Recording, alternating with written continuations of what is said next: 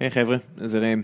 דורון לא פה איתי היום, יש לו יום הולדת והוא קיבל יום חופש ממני, וכל מיני אה, מחליפים שרצו להגיע והיו יכולים להגיע בסוף לא יכלו להגיע, אז הקלטתי את הפרק הזה עם אביעד קיסוס לבד. ולפני שנתחיל, אה, רציתי רק לספר לכם שנותן החסות של היום היא חברת Stream Elements, שדורון הוא המנכ"ל שלה במקרה. Stream Elements מפתחת כלים לסטרימרים, אותם אנשים שמשדרים את עצמם בווידאו ברחבי האינטרנט, אם זה במסגרת משחקים בטוויץ' או ביוטיוב או בפייסבוק לייב, ו-Stream Elements מפתחת להם כלים מעולים שישפרו את המוצר שהם בעצם מוציאים לצופים שלהם. אה, החברה כבר ממומנת היטב ותכף עוברת למשרדים מגניבים ועכשיו היא מגייסת אנשים מאוד מוצלחים. אז אם אתם אנשים מאוד מוצלחים או לחילופין עם מלא אמביציה ורוצים להצטרף לצוות מאוד מוצלח, שלחו הודעה לדורון. Stream Elements כרגע מחפשת בעיקר מפתח או מפתחת או מפתחי פרונט-אנד, שמי שלא מכיר אה, זה בעצם החבר'ה שעושים את הצד הנראה יותר באתרים. אה, בטכנולוגיות אנגולר או ריאקט או מה שאתם לא יודעים לעשות זה בסדר, אם אתם מאוד טובים בחלק הזה של התעשייה תגיעו אלינו לדורון, הוא ישמח לדבר איתכם, אני במילא מעורב שם ועוזר לו לראיין את החבר'ה, אז בעצם גם תדברו איתי, וכמובן שמלבד גיקונומי יש לנו עוד שני פודקאסטים במשפחת הפודקאסטים הזו, את בכל יום נתון שבה אני ואוריאל דסקל מדברים על ספורט עולמי. מחרתיים מגיע לפה עמית לבנטל שידבר איתנו על כדורגל מאיטליה, מספרד, מאנגליה, כל הליגות חזרו והשמחה מרובה. עמית כבר מזמן לא היה אצלנו אז אני שמח כבר לראות אותו שוב. וכמובן שציון שלוש שבו אני ויוני נמרודי מדברים על כדורגל ישראלי, יש ביום רביעי, מחר. איזה יום היום? כן, אתם כבר, אנחנו משאירים את הפרק ביום רביעי, בעצם אז היום יוצא פרק חדש של ציון שלוש, ובואו נדבר על העונה, פתיחת העונה החלשה של הפועל באר שבע, קבוצתי, גם מכבי של יוני לא, לא פתחה כל כך טוב את העונה, נדבר על הקבוצות שכן, על הקבוצות שלא, יהיה שמח. ועכשיו, אביעד קיסוס, פרק חדש של גיקונומי, תעשו חיים.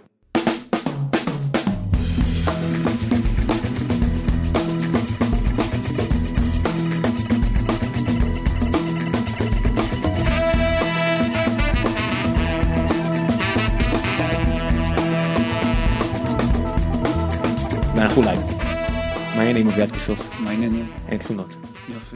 אני בדרך כלל כזה יש לנו את הנוהל כזה נוהל פתיחה של הפרק שדורון שואל אותי מה העניינים אני אומר אין תלונות זה נהיה כזה ה catch phrase היחידי של התוכנית אוקיי. אז אני שמח שעזרת לי להוציא את זה מהמערכת. איך זה לפעול בשעות כאלה מול מיקרופון? זה מאוד מוזר, האמת שעשינו את זה פעם אחת. אה, טל ואני עשינו תוכנית גם בבוקר וגם אחר הצהריים, זה היה איזה סוג של ספיישל. זו הייתה חוויה איומה בשבילי, סתם כי אני, כל פעם שמזיזים לי את הגבינה במילימטר אני יוצא מדעתי. מה, אתה עושה אקטים של דיווה ברדיו? לא, זה לא האקטים של הדיבה, האקטים של הדיבה אני עושה יכול שעות היממה. לא, זה פשוט היה מוזר, זה היה מוזר, האור היה מוזר, אני אדם שיש לו רגישות מאוד גבוהה לאור, ברגע שמשהו טיפה משתנה, השמש בזווית אחת ולא בזווית אחרת, אני... כבר קשה לי להתרגל. אז פעם אחת עשינו את זה, אבל פה זה בסדר, זה, זה לוקיישן אחר, זה פורמט אחר, זה שעה אחרת, אז זה, זה בסדר באחרות הכללית. זה, זה חצי ג'טלג בשביל מישהו כמוך שרגיל לקום ב-4, 5 בבוקר? חמש. fucking 5 בבוקר לעבודה. כן, אתה כן. והחבר'ה שמרימים את השקיות זבל. ממש, לפעמים אני מקדים אותם. האמת שבימים טובים אני מקדים אותם, ואז אני לא נתקע מאחורי משאית הזבל. בדיוק באתי לשאול אותך, אתה, אתה תל אביבי שמעולם לא נתקע מאחורי משאית זבל. אז uh, אתה מתפרץ פה לדלת פתוחה, uh, טל ואני שנינו מנהלים uh, מערכת יחסים מאוד מורכבת, כל אחד עם משאית הזבל אצלו ברחוב. Uh, אני ממש יודע לימים מסוימים ושעה מסוימת לתכנן את היציאה שלי כך שאני לא אתקע אחריו, והוא תמיד איכשהו יש לו סיפורי נתקעתי מאחורי משאית הזבל. אחרי מה, 15 שנה ביחד, 15. יש לכם כבר את הקטעים שמישהו מתחיל לדבר על איזה נושא, נגיד משאיות זבל, והשני אומר, די, פשוט, פשוט אל, אל תתחיל עם זה. לא, לא, אין לנו את זה. אין לנו את זה. אמ, מכיוון שאנחנו עושים את התוכנית ברדיו, זאת אומרת, מכיוון שהשותפות בינינו היא שותפות מקצועית רדיופונית, אמ, אז זאת אומרת, זה לא רק שכל אחד מאיתנו אה, צריך לאהוב לשמוע את השני, זה שגם כל אחד מאיתנו אמ, רוצה לרתק את השני, זאת אומרת, זה עדיין קורה. תחשוב, אתה יודע, איך זה ברדיו, זה לא שאנחנו יושבים עכשיו מול קהל מאוד מאוד גדול. בסופו של דבר זה די בודד, זה אתה ו- ו- וזוג העיניים הנוסף שמתבוננות בך. אז, אמ, אז, אז, אז הוא האיש שאותו אני צריך לעניין. אני לא יכול לייצר מצב שבו אני מתחיל איזה משהו והוא, "אה, כבר שמעתי את הסיפור הזה. תקשיב, אני, לא אני, קורה. אני מאזין לכם מדי פעם, זה, זה כן, מדי פעם יש איזה כזה אתה או הוא מוצאים איזה הנחה של אוקיי, here we go again על הנושא הזה. זה אף פעם לא, זה אף פעם לא מיאוס אמיתי, זה, זה, זה, זה, זה תמיד אה, הקנטות, אה, הקנטות שכאלה. אמרתי לך שאני שומע את התוכנית שלכם בעיקר בגלל אה, זוגתי עכשיו אשתי שחובבת נורא גדולה והיא שומעת אתכם תמיד בדיליי של יום אחד אוקיי. ועשינו איזה יום כיף לא מזמן אה, ביום הולדת שלה נסענו לירושלים אכלנו טיילנו חזרנו ובדרך חזרה שמענו את הפרק שלכם שהיה ביום של התאונה של אה, שלומית מלכה.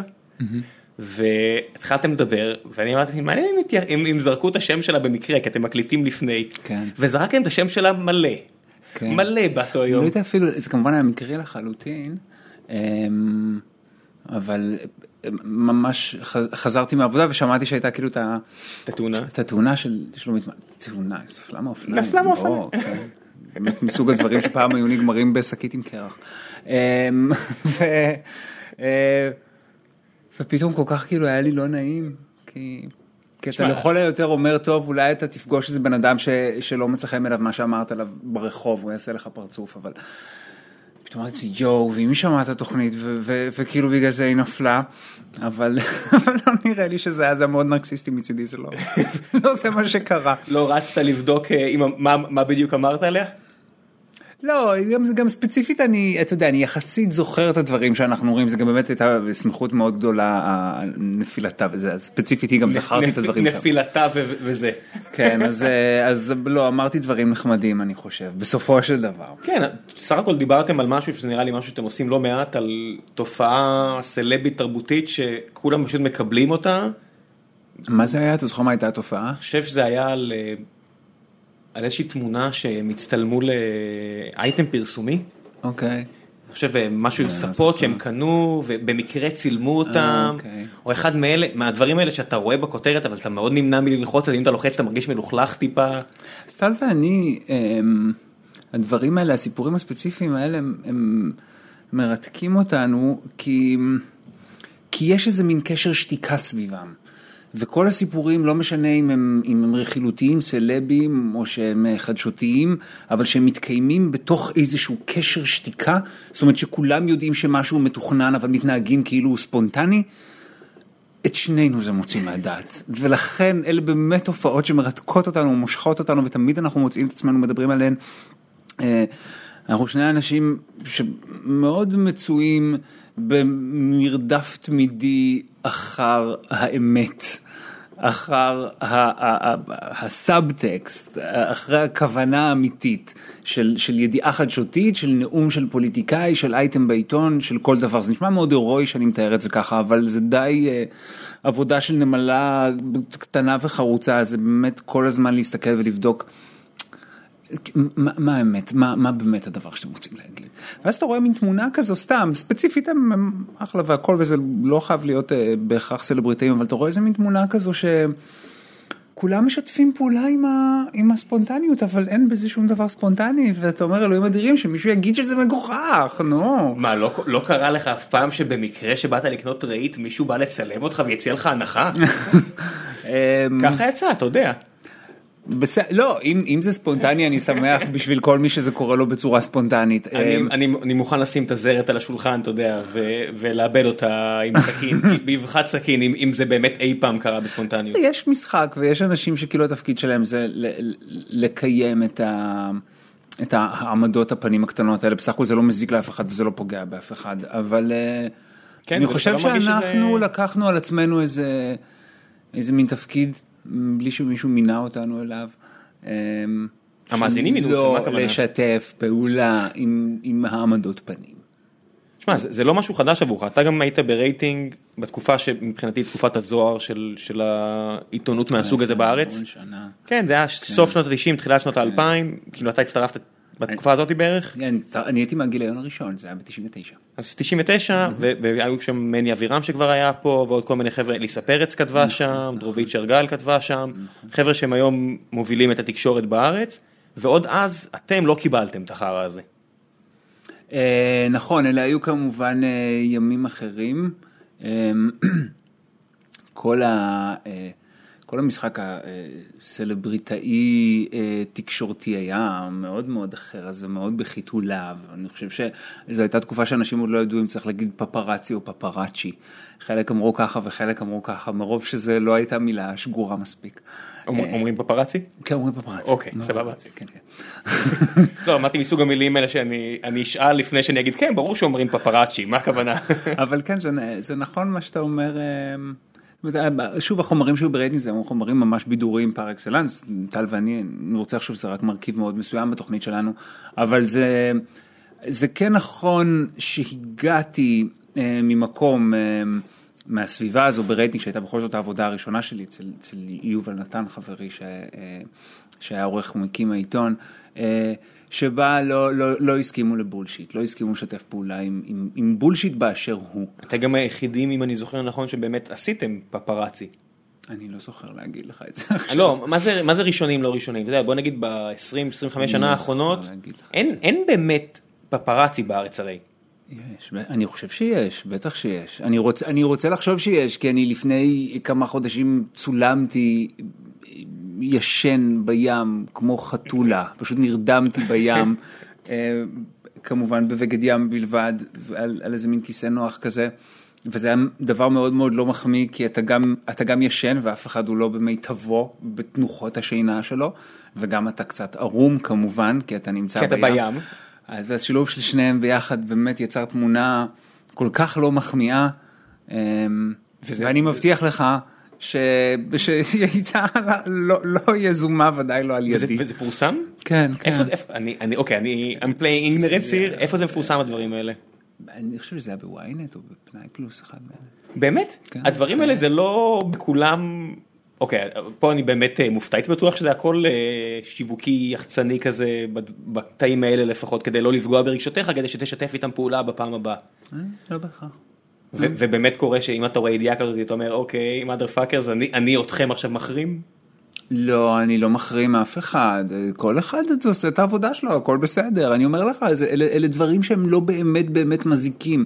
אבל אני חושב שבכל דבר ושוב אנחנו כאילו נורא מדברים הרבה על, על אמ, ענייני סלבריטיז וכאלה אמ, אבל זה, זה נכון לכל תחום. צריך תמיד להיות קול נוסף שאומר את, את האמת כמו שהיא.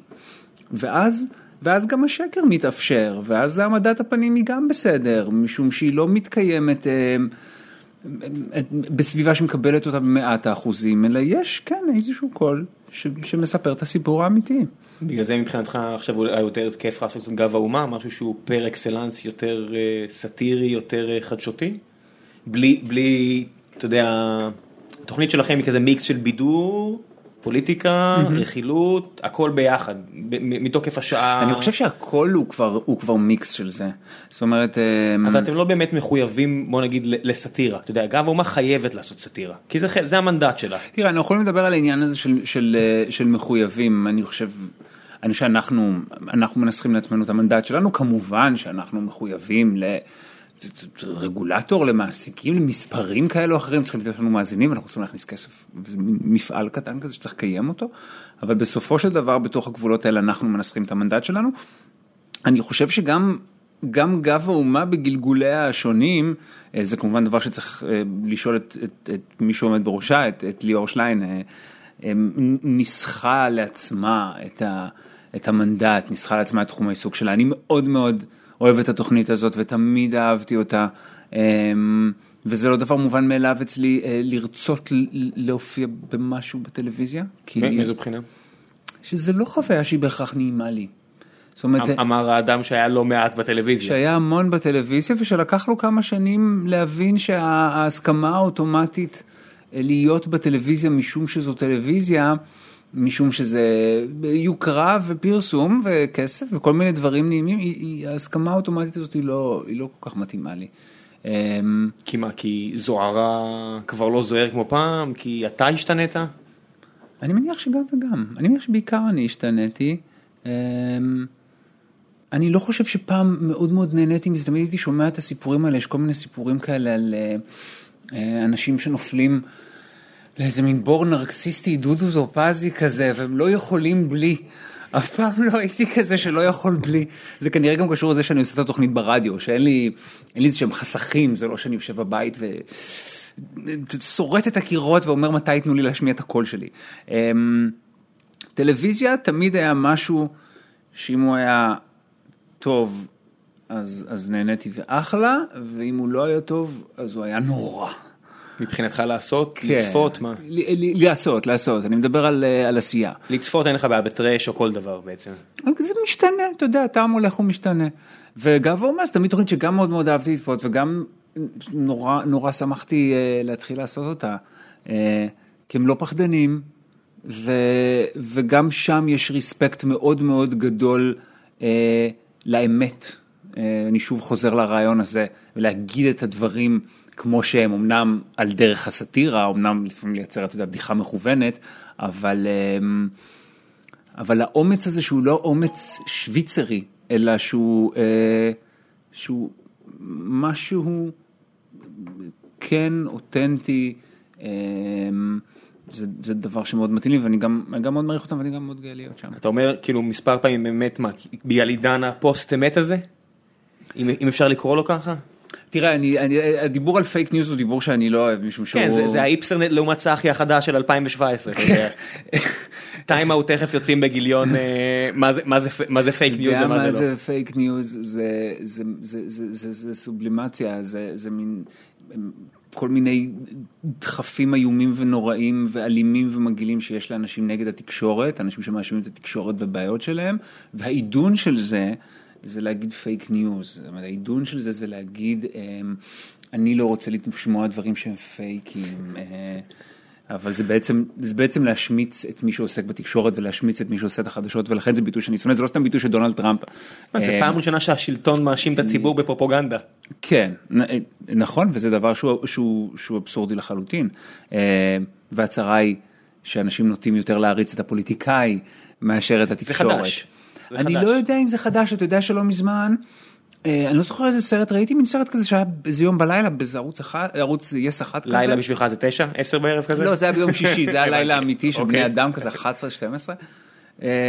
והיה שם איזה, קרה איזשהו סיפור בלתי נעים באיזושהי משפחה, אני לא זוכר, משהו אולי אפילו רצח, והגיע איזה אה, כתב של איזה עיתון או עיתונאי ודפק בדלת, וכאילו מי שפתחה לו את הדלת, אם המשפחה ממש נורא מזועזעת, וזרקה אותו החוצה, והתקשרה לעורך דין, אני לא רוצה עיתונאים פה יותר, ואמרתי, איזה קטע שבמשך שנים מטפחים את, ה, את הדמות הזו של העיתונאי כ, כטיפוס עם האף הארוך שבא להפריע לכם בזמן האבל. כן, תחשוב, אז אחד הספרים הכי מפורסמים של המאה ה-20 בדם קר, זה, זה בדיוק זה, זה טרומן קפוטה מגיע לכתוב על רצח באמצע fucking שום מקום, והוא ממציא סיפור מסביב, אבל- וזה נהיה רב מכר. אבל למה אף אחד לא, למה אף אחד לא זוכר את התפקיד הבסיסי המאוד מאוד חשוב של העיתונות שאותו היא עדיין ממלאת? זאת אומרת, כמה, כמה יעילה הפוליטיקה אה, של היום, הפוליטיקה הנתניהווית, אה, דונלד טראמפית, אם באמת הם הצליחו להפוך אותנו לרעים ואותם לטובים, כשבאופן שהלכת- מובהק הם הרעים ואנחנו אני הטובים. חושב שהלכת רחוק, כי תמיד שמאשימים את התקשורת באיזה mastermind כזה או אחר, אני אומר, אני מחפש את הסיבה היותר פשוטה, נראה לי פשוט, התקשורת איבדה את, ה... את הכסף שהיה לה, אם הוושינגטון פוסט פעם היה יכול לחשוף את ווטרגייט ולעשות סיפור במשך שנה וחצי מסביב לדברים האלה, או מסמכים של, אה, של, הקונג... של הקונגרס, מסמכים סודיים כאלה בתקופת וייטנאם, ולאחר מכן, זה כי היה לו הרבה יותר כסף. והיום הוא צריך איזה נדבן הייטק שיזרוק לו כמה פירורים כדי להמשיך לעשות את מה שהוא עושה, ואז הרבה אנשים טובים מוצאים את עצמם לא בעיתונות והרמה טיפה יורדת. גם, א', אתה צודק, זאת אומרת, אה, בוודאי, בוודאי בכל מה שנוגע לפרינט. אה, אני מדבר בעיקר על הפרינט, ברור. גם אני מאוד נוסטלגי לגבי זה, אבל אני חושב שאתה יודע, המדיומים השתנו, אבל הכוונה נותרה כשהייתה. ו- והכבוד הוא, הוא, הוא קודם כל אה, לכוונה, ונכון שהיום בגלל שיש פחות כסף ופחות מעמד, גם יותר קל לבעוט בתקשורת, זאת אומרת, או שיותר קשה לתקשורת אה, להשיב מלחמה בחלק מהפעמים. זה גם מדורת השבט התפזרה, אתה יודע, אם אמרנו שזו הטלוויזיה, אז בטח שעל על עיתונות, אם פעם היה לך מקור תקשורת 1, 2, 3 וכולם הסתכלו עליו, אתה יודע, האובססיה הזאת כלפי הארץ של פוליטיקאים מהימין, היא לא תולדה של 80 אלף המינויים שקיימים היום, זה עדיין איזה כזה רליק מפעם. אני חושב שאנחנו תכף נאבד גם את זה, גם, שזה מתבזר, מתבזר לגמרי שכל פוסט נהיה אייטם. אתה יודע, כל פוסט בפייסבוק נהיה החדשות שלנו. נכון. אז באמת נורא קל לתקוף. כן, אבל אם שיגיד לך שה, שה, שהפוסטים, שהפייסבוק, שהרשתות החברתיות הן כשלעצמן כלי דווקא מאוד מאוד יעיל, כיוון. שהדברים, האינפורמציה מגיעה אליך כ, כצרכן של האינפורמציה הרבה יותר מהר. אבל יותר קל לתקוף את זה, כי אם אני עכשיו... יותר קל לתקוף על זה כי זה פחות אה, בדיק ופחות לא, עזוב. את זה, תחשוב שאם עכשיו שרון שפור תעשה עבודה עיתונאית מעולה כמו שהיא עשתה עד היום, ואיזשהו סרסור, whatever, יתבע אותה עכשיו, אין לה את הגב של, של נכון. שוקן שיגן עליה. נכון. זה, זה ברמה הזו, אתה יודע, עיתונאי שעבד פעם בכלי תקשורת, יודע שהוא גם מקבל משכורת ראויה כדי לעשות את העבודה שלו, גם יש לו צוות שיעשה לו fact checking ויעזור לו, וגם יש לו הגנה משפטית. זה לא כזה טריוויאלי, אתה יודע, הפחד הזה מתביעות דיבה, אתם חטפתם אחת. אנחנו חטפנו, כן. אח- אחת גדולה מפורסמת, לא, אחת, אחת אפשר גדולה. להגיד את השם אפילו? בוודאי. אפשר. אז אייל גולן תבע אתכם, נכון? כן, הוא תבע אותנו יותר פעם אחת. לבריאות. הוא לא- לא היה מרוצה כנראה מהפעם הראשונה, אז הוא חזר בשבילו. כן, אתה יודע, לא, לא תמיד יוצא בקלפים מה, שצריך, ואז צריך אה, להשלים? הכנסה. כן. אה, אבל האמת אה, שבהקשר של מה שאמרת, באמת היה לנו גב. זאת אומרת, עדיין יש לנו גב. וזה דבר מאוד מאוד חשוב, וזו אחת הסיבות שאני חושב שבאמת אה, רדיו הוא, הוא, הוא העבודה הכי טובה שיכולה להיות בתקשורת היום. כי אומרת, מה, שילוב של גם אתם יכולים להגיד פחות או יותר מה שבא לכם, נגיד עם אילוצים כאלה ואחרים, ומצד שני גם יש לכם קהל. יש קהל ויש גב, ו- וזה מכניס וזה עובד. אמ, יש משהו קבוע ברדיו. אמ, רגשית אני מאוד, אני מאוד מעריך את זה שיש לי מקום שאני בא אליו, יש מקום שאני הולך אליו בבוקר. זה מחזיק לאורך זמן, זו מערכת יחסים ארוכת טווח. יש אה, בטלוויזיה משהו הרבה יותר אה, דופק וזורק, התהליכים הם הרבה יותר מהירים, המדידה היא הרבה יותר מהירה, חובת ההוכחה הרבה יותר ההפקה יותר מהירה. יקרה גם, אתה יודע, הרבה יותר מסוכן להפיק תוכנית טלוויזיה מאשר אה, לתת לכם, או לא יודע, לכל מישהו אחר, פשוט לרוץ שנה, שנת, אתה יודע, איך קוראים, להם, אסי ו- ודפנה אוסטי, נתנו להם זמן לרוץ לפני שהם נכנסו לעניינים. כן, אבל בוא, טלוויזיה גם מוציאה יותר וגם מכניסה יותר. נכון. אה, פשוט היא בנויה ככה. המדיום בנוי ככה שאתה צריך ל- ל- להביא תוצאות הרבה יותר מהר, שאתה נמדד אה, אחרי זמן מאוד מאוד קצר. בניגוד לרדיו, שרדיו... יש אוויר, יש זמן, אז שוב, אנחנו עושים אותו 15 שנה, אנחנו לשמחתי, את- האודישן שלנו כבר סיימנו לפני הרבה מאוד זמן. אמ, איך זה התחיל? איך זה התחיל? כן. אמ, היית כתב ברייטינג, תחילת שנות הייתי האלפיים, ברייטינג בתחילת שנות האלפיים, אמ, 2003 אני חושב, או 2 או 3. 2 או 3? שתיים, אנחנו לא, ב- אני- אנחנו ק- ב-17, נכון? קראתי שתיים. קצת, שתיים, כן. 2, 2002. לא, אני פשוט גרוע מאוד בחשבון, הפשוט, לא. אמ. וטל אז, אה, טל ברמן, אה, חתם איזשהו הסכם עם רדיו תל אביב על הגשת התוכנית הבוקר, והם חיפשו אה, אנשים שיגישו את התוכנית לצידו, אה, אפילו לא דובר אז בהכרח על כל יום, זאת אומרת, זה מין... לא, לא היה לגמרי מוגדר, והם אה, קראו אותי בעיתון והעריכו את אה, כתיבתי, אה, מי שאז הקימה יחד עם טל את התוכנית, שזו דורית גבירצמן, והם פנו אליי ופשוט נפגשתי איתו איזה, איזה פעם, פעמיים, ואז נכנסנו לאולפן, וכי די הייתה אהבה ממבט ראשון. זאת אומרת, זה ממש עבד מאוד מאוד מהר. אני אני לא זוכר, בתקופה ההיא, אתה היית ההומו הראשון בתקשורת שבאמת בלט? אני אני מנסה להיזכר אם היה עוד, אני לא זוכר עוד שמות. אז תראה, אני, אני חושב... אנשים שיצאו מהארון מן הסתם, בוא לא ניתמם וכאלה. כן, כן, לא, אני, אני חושב ש, שהייתי ההומו הראשון מחוץ לארון, בפריים של ערוץ 2 בוודאי, אבל זה היה אחרי, אמ, אחרי שהתחילה התוכנית ברדיו. אה, היה לפני כן את, את, את, את גיל חובב, אבל זה מעולם לא נידון, כאילו, נטיותיו המיניות, הוא עשה תוכנית אוכל. אה, מישהו ש... ללא ספק הייתי בין היחידים, כן, ללא ספק הייתי בין היחידים. הימור די גדול שלהם, של רדיו תל אביב, מהבחינה הזו. אתה חושב למה? כי כל דבר שאתה עושה שאתה הראשון זה הימור, כי אתה לא יודע את התוצאות. האי ודאות גדולה, איך הקהל יגיב לזה, איך, אה, אתה יודע, אני, אני מסתכל על, מסתכל על העולם העסקי היום, 2017 ישראל. יש אנשים בארגונים מאוד מאוד גדולים, לא נציין שמות, זה כל אחד שיעשה מה שהוא רוצה מבחינת העדפות המיניות שלו והפר, והפרסום לגביהן, ואתה לא שומע על זה. אם בארצות הברית המנכ"ל של אפל כבר יכול להגיד ולהצהיר ואין לו בעיה לדבר על זה, אנחנו חיים במדינה שזה לא קורה פה. אין כן. ספורטאי שיצא מהארון באמת, בש- ב- ב- כספורטאי פעיל. כי הקודים החברתיים הם אחרים. אין אה, איש צבא רציני, נכון, אה, נכון. יש מעט מאוד פוליטיקאים, אה, וגם חלק מהם הוציאו אותם סוג של מהארון, ואין אנשי עסקים. אנחנו ב-2017, אני מדבר איתך על 2002 שאתה התחלת. אבל אני חושב שאת המבט צריך להפנות לא אל אלה ש, שלא יוצאים מהארון בשנת 2017, אל, אל, לא, אל, מה, אל מה גורם, זאת אומרת, מה הפך את הסביבה שאנחנו חיים בה לסביבה שמקשה על אנשים לצאת אה, מהארון? אז אתה חושב שזה יותר קשה היום מאשר אז? לצאת מהארון? לא, אפילו להביא להומו תפקיד שהוא רציני, אתה יודע, להוביל את הת- את התוכנית דגל של הערוץ. זה לא שזה, זה לא שזה קשה, זאת אומרת אנחנו לא מדברים כאן על קושי, גם אני בזמנו כשהתחלתי לעשות תוכנית ברדיו תל אביב אף אחד לא ישב איתי ואמר לי אוקיי בוא שנייה נדבר על כמה הומו אתה עומד להיות, אבל אז פתחת את הפה, לא- ונחליט על הווליומים, זאת אומרת עשינו כל מיני טסטים, כל מיני פיילוטים ו... וזה היה ברור שזה עובד, ואז אתה יודע, אומרים לך, דבר עברית תקנית, אה, אל תקלל, אה, אל תוציא דיבה, מה, ש, מה שאומרים לכל אחד. אה, יכול להיות, אתה יודע מה, יכול להיות שאני עכשיו נאיבי, יכול להיות שהיה לי יותר קל להסתכל על זה אז כעל משהו רגיל כדי לא לחוש שיש אחריות גדולה מדי על הכתפיים שלי. אה, אז גם לא רצית לדבר בתור הנציג הקהילה. אמ, זה חזק ממני, זאת אומרת אם באיזשהו שלב אמרתי שאני לא, לא מייצג אף אחד, באיזשהו שלב אמרתי את השטות הזו שכל אה, הומו מפורסם בתחילת דרכו אומר אז אני הצטערתי עליה מאז ואני מצטער עליה גם עכשיו, זה חזק ממך, מה- הקטע? אתה תמיד מייצג. הרצון לא להיות משוייך לקבוצה, להיות אה, אני אינדיבידואל. אפילו לא זוכר, אתה קראת משהו שאמרתי כזה? לא. אה אוקיי, לא, כי אמרת אז לא רצית.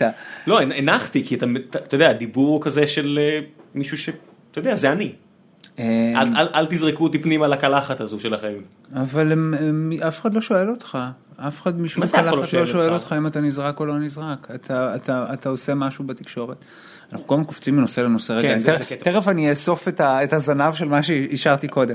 אמ, בסופו של דבר, כשאתה עושה תפקיד שהוא אמ, ציבורי, ציבורי לא, לא, לא, לא במובן שנבחר ציבור, אלא ציבורי במובן שהוא אה, פומבי, אה, תרצה או לא תרצה, אה, אתה, אתה, אתה מדבר בשמם של עוד אנשים.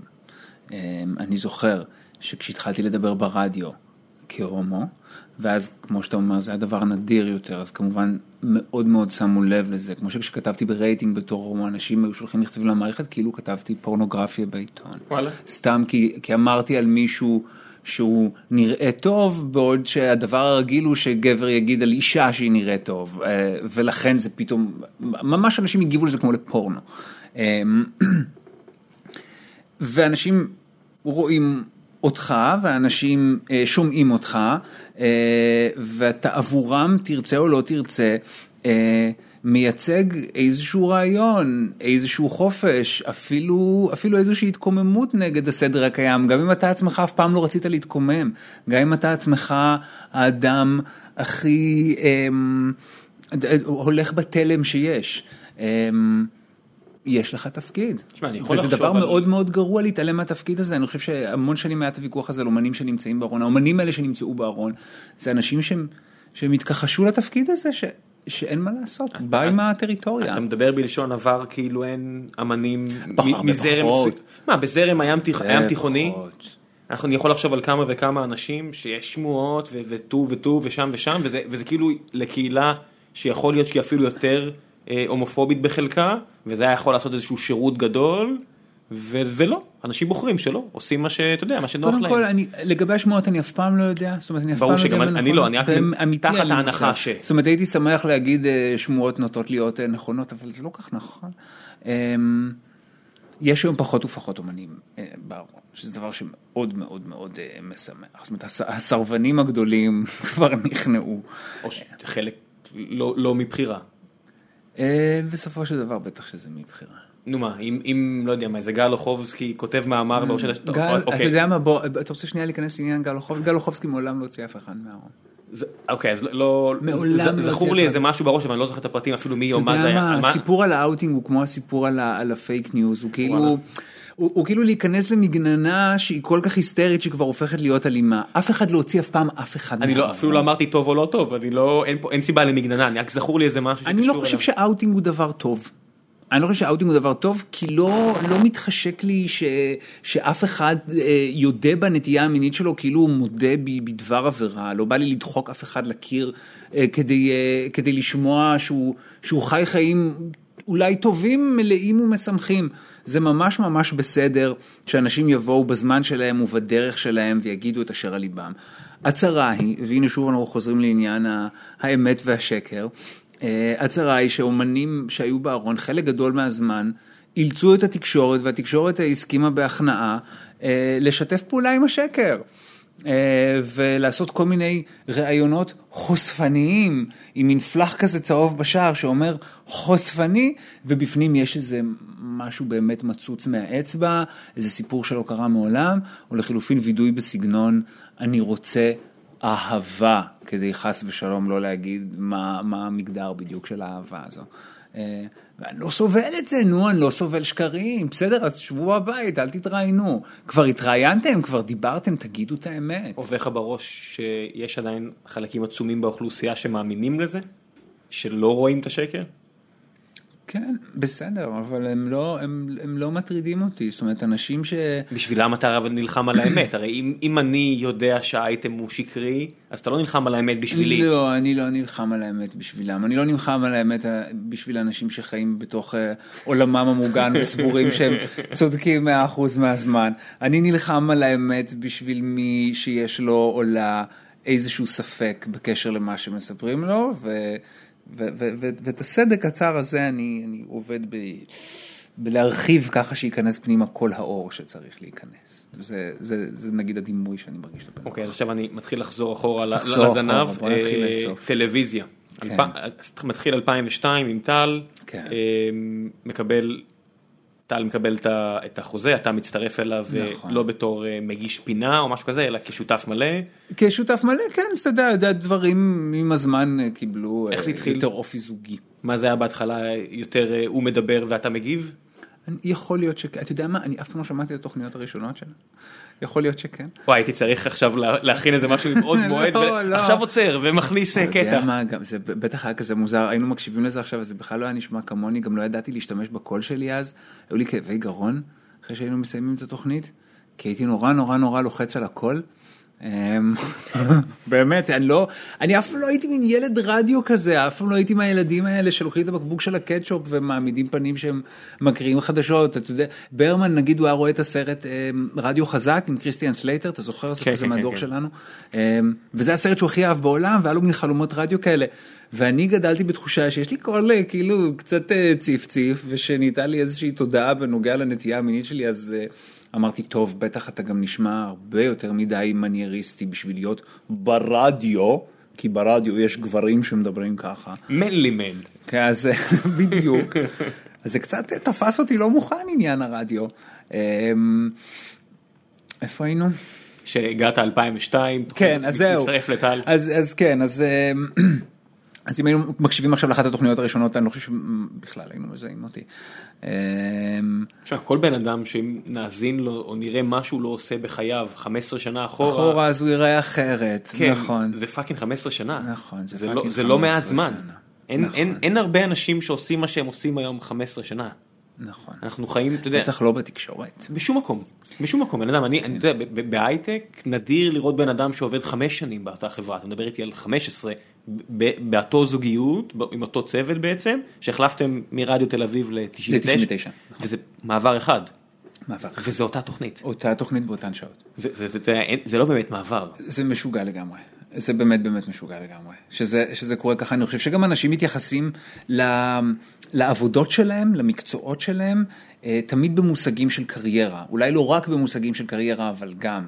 אמ, אתה, לא רק שאתה לא רוצה לעבוד באותה עבודה יותר מחמש שנים, אתה לא רוצה להיתקע באותה עבודה בח, יותר מחמש שנים, נכון? זו הטרמינולוגיה, אם אתה, אם אתה נמצא, בטח. בדיוק, חייב. אם אתה נמצא יותר מדי זמן במקום אחד אז אתה תקוע. כן. אה, צריך לעשות באמת איזה שיפט במוח.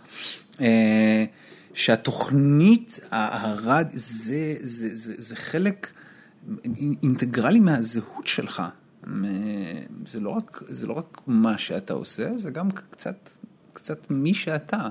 אה, ולא להתייחס אל העולם כאל מדרגות, זה לא כאילו, טוב, עכשיו אני עושה תוכנית ברדיו, אבל אם מחר הציעו לי נניח לפני עשר שנים, אם יצאו לי תוכנית בטלוויזיה, אז אני אעזוב את תוכנית הרדיו. זה לא, לא, אנחנו לא חושבים על זה במושגים כאלה. זאת אומרת, מאוד מאוד ברור, מאוד ברור שזה המקום שאתה הולך אליו בבוקר. האמת שזה נכון גם, באתי לחשוב אם זה נכון גם לחדשות ברדיו, ואם זה נכון לעוד ענפים, אז בחדשות אולי באמת יכול יותר יוקרה, וגם לא. כי אני חושב גבי גזית וכל מיני חבר'ה כאלה, זה לא שהם נחשבים פחות מאשר המקבילים להם בטלוויזיה או בעיתונות. בספורט, התוכניות ספורט הכי מואזנות, across the board לעומת טלוויזיה זה עדיין ברדיו, הקשקשת של אה, אופירה וכל אלה, זה, זה, הכי, זה הכי פופולרי. זאת אומרת, גם מבחינת תגמול, גם מבחינת חשיפה, הרדיו מביא פייט. הרדיו מביא פייט, הרדיו מביא פייט כי בעיקר אני חושב יש תנועה, יש פקקים. מפחיד אותך, אתה יודע, יש היום איזשהו איום על הרדיו הרי, אני מסתכל קדימה לא הרבה שנים, אני, אני יצא לי להיות שלוש פעמים בארצות הברית בחודש וחצי האחרונים, פעמיים בסיליקון וואלי, ושם אתה מדי פעם מסתכל ימינה שמאלה בכביש, ואין נהג לפעמים. אה, כזה איום, כן, לא, לא, זה איום ממש מרחיק לכת. זה לא כזה מרחיק לכת, אני חושב כמי שאני מאוד אוהב את המדיום, מאוד מאוד יקר לליבי, אם זה פודקאסטים רדיו. וזה שאין נהג לא אומר שאין נסיעה. לא, יש נסיעה, אנשים לא ירחפו לעבוד. לא, בוודאי שלא, אבל האם זה לא אומר שהם יעברו לוידאו? זה המחשבות שאותי זה כמו שכבר מת לי הפרינט, אני חרד לאודיו. אני עושה כל כך, אני הולך, אני אוהב ללכת, אני אוהב לשמוע בהרבה מאוד סיטואציות בחיים שלי. ואותי קצת מפחיד העניין הזה של השתלטות הוידאו. אז תראה, צריך, צריך להיות ערני, אסור להיות זחוח, צריך לקחת בחשבון את כל התרחישים האלה, אני, מצד שני אתה לא רוצה להיות פרנואיד מדי. אתה לא רוצה כל הזמן לשבת ולחשוב כאילו על היום שבו זה ייגמר. אני חושב שווידאו, מעצם היותו וידאו, אני חושב שכשזה דבר מצולם, וזה לא משנה אם זה מצולם ב... ב בשלוש מצלמות ומואר היטב באיזו תוכנית טלוויזיה, או שזה מצולם כאילו בדרך גרילאית בפייסבוק לייב. ברגע שזה מצולם, משהו הולך לאיבוד. יש איזשהו רווח, זאת אומרת, אנשים, אנשים רואים את מי שמדבר עליהם. אני לא יודע אם רווח, אבל זה שונה. זה שונה, כן. זה, זה מוסיף עוד איזשהו אלמנט, משהו הולך לאיבוד. נכון, לא גם לעומת פרינט וגם לעומת אודיו. אני את, את מערכת היחסים ה... הלפעמים ממש אינטימית שאני מרגיש שיש לי עם, עם המאזינים שלנו, אמ, היא לא הייתה יכולה להתקיים ב, ב, כמו שהיא בתנאים מצולמים. עכשיו בוא גם נשים דברים על השולחן, יש הרבה מאוד אנשים שאומרים שיש לך קול לרדיו, אז אתה יודע, אתה עובר מסך, עשית טלוויזיה, ויש הרבה מאוד אנשים שמדברים למיקרופון, וזה, וזה מחייתם. האוורד סטנים לדוגמה או כל מיני כאלה. אוקיי. ואז כשיצלמו אז זה לא יעבוד יותר? כן כי מה לעשות שמצלמים אותך אתה נהיה סלף קונשנס אתה לא סלף קונשס אתה לא יכול להיות פתוח וזורם כמו שאתה יכול באודיו אם אתה כמה אנשים אתה מכיר שמרגישים כל כך בנוח לגבי איך שהם נראים. מעט מאוד. בדיוק. ואני לא סובל אותם. אף אחד לא סובל אותם, אף אחד לא סובל, אנשים שנראים טוב לא סובלים אותם, זה לא, זה לא בטבענו. אתה יודע מה, זה, זה, מה שאתה אומר נכון, אבל אני, בוא ננסה שנייה גם לדבר על התהליך ההפוך. אה, יש הרבה מאוד אנשים שהם דווקא כן עוברים מסך, והם דווקא כן מצטלמים היטב, אבל כשזה מגיע לרדיו, זאת אומרת כש, כשאין מצלמה, אלא שזה רק מיקרופון, הנוכחות המיקרופונית בחדר, זאת אומרת הדבר שאמור להיות יותר פשוט, כי לא מצלמים אותך ולא רואים אותך, וכביכול המודעות התמידית הזו לאיך אתה נראה ואיפה השיער שלך ואיזה חדשקון יש לך על האף, איננה. ואז משהו באיכות של זה יורד. זאת אומרת, דווקא אז אה, הם מאבדים את הכל, דווקא אז זה נהיה פחות טוב או פחות מעניין. יצא לך לראות את Better Call Saul? לא, לא ראיתי Better Call Saul. אוקיי, יש שם איזה, הוא כל הזמן מדבר על showmanship, הוא לא עורך דין כזה טוב, אבל הוא, אתה יודע, הוא פרפורמר, הוא יודע לעשות את ה hustling שלו, whatever, הדמות הראשית שם, אני חושב שזה איפשהו, כשאתה מדבר לרדיו, אין לך, אין לך גימיקים. בדיוק. יש את האלה בארצות הברית, אתה יודע, בבוקר שומע וואי וואי את כל האפקטים והכל, אבל בארץ אין את זה. ואין את זה בארץ, אנשים לא עושים את זה בארץ. אחד הדברים שתמיד עצבנו אותי בטלוויזיה זה שיש כל כך הרבה פילטרים. תמיד אמרתי, אני מגיע מרדיו, אני מפונק מהבחינה הזו. אני עושה תוכנית ואני חושב שהייתי ממש ממש נהדר. אני חושב שהייתי פשוט מדהים, דיברתי ממש יפה והיה נהדר. ואז אתה פותח את הטלוויזיה ולא יודע מה, יש משהו בתאורה לא בסדר או שיש איזה... ופתאום הפרצוף שלך נראה לא מספיק טוב, וזה כאילו הדבר היחיד שרואים בתוכנית. וזה גם לא לייב תמיד. תחשוב שמישהו יכול לערוך דברים שאהבת? מישהו יכול לערוך דברים שאהבת, מישהו יכול לשבץ אותך, את התוכנית שלך, שיבוץ לא טוב, מישהו יכול לעשות לה פרומו לא מספיק טוב. יש המון המון פילטרים, המון המון גורמים.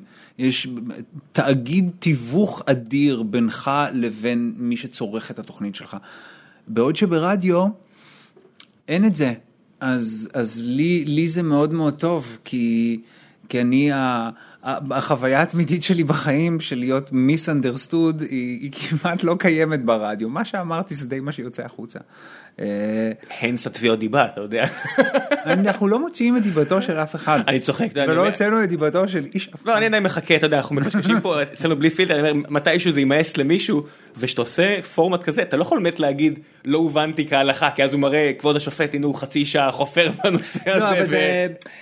זה, זה לא הובנתי כהלכה של טלוויזיה, זה לא הובנתי כהלכה של... אמ, כל פעם שאתה עושה איזה מין משהו כזה בטלוויזיה, נגיד אין בטלוויזיה צניעות, בטלוויזיה ענווה, נכון? היום דבר, לא. כל דבר שאתה רואה בטלוויזיה, גם אם באמת מדובר באדם סופר נחמד ומקסים, הוא נראה טיפה יהיר.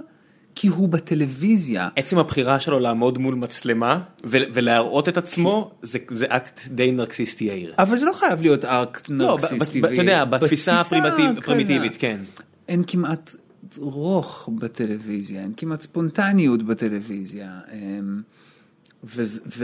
ולדברים שגם כשהם מתקיימים אז הם הולכים לאיבוד מול המצלמה וברדיו יש אותם. תחשוב איפה יש... ולכן גם מעניין אותי התהליך ההפוך, זאת אומרת של מי שזקוק לכל המיליון מיליון מיליון מיליון פילטרים האלה, מיליון שכבות האיפור האלה, ואז כשזה בסך הכל אתה בטרנינג מול המיקרופון, אה, הולכות לאיבוד המילים. כי תמיד מדברים על אנשים האם הם כן או לא עוברים מסך, אבל, אבל הכן או לא עובר מיקרופון זה דבר שהוא, שהוא לא פחות חשוב ומעניין.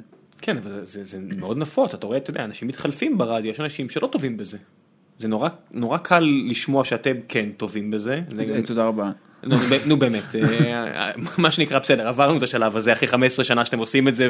נראה לך שעברנו את השלב הזה, יש חור בבטן שלא מתמלא אף פעם, מה זאת אומרת? אתם מעולים. עוד, עוד, עוד. אוקיי, אז הנה עכשיו עברנו את זה, לבינתיים, עוד חצי שעה מבטיח להזכיר את זה שוב, אבל יש אנשים שאתה שומע אותם ואתה אומר אוקיי, הופ, יש לך עבודה אחרת, אני מקווה שיש לך איזה דיי ג'וב אחר, שזה לא, אני מעריך את הניסיון אבל לא.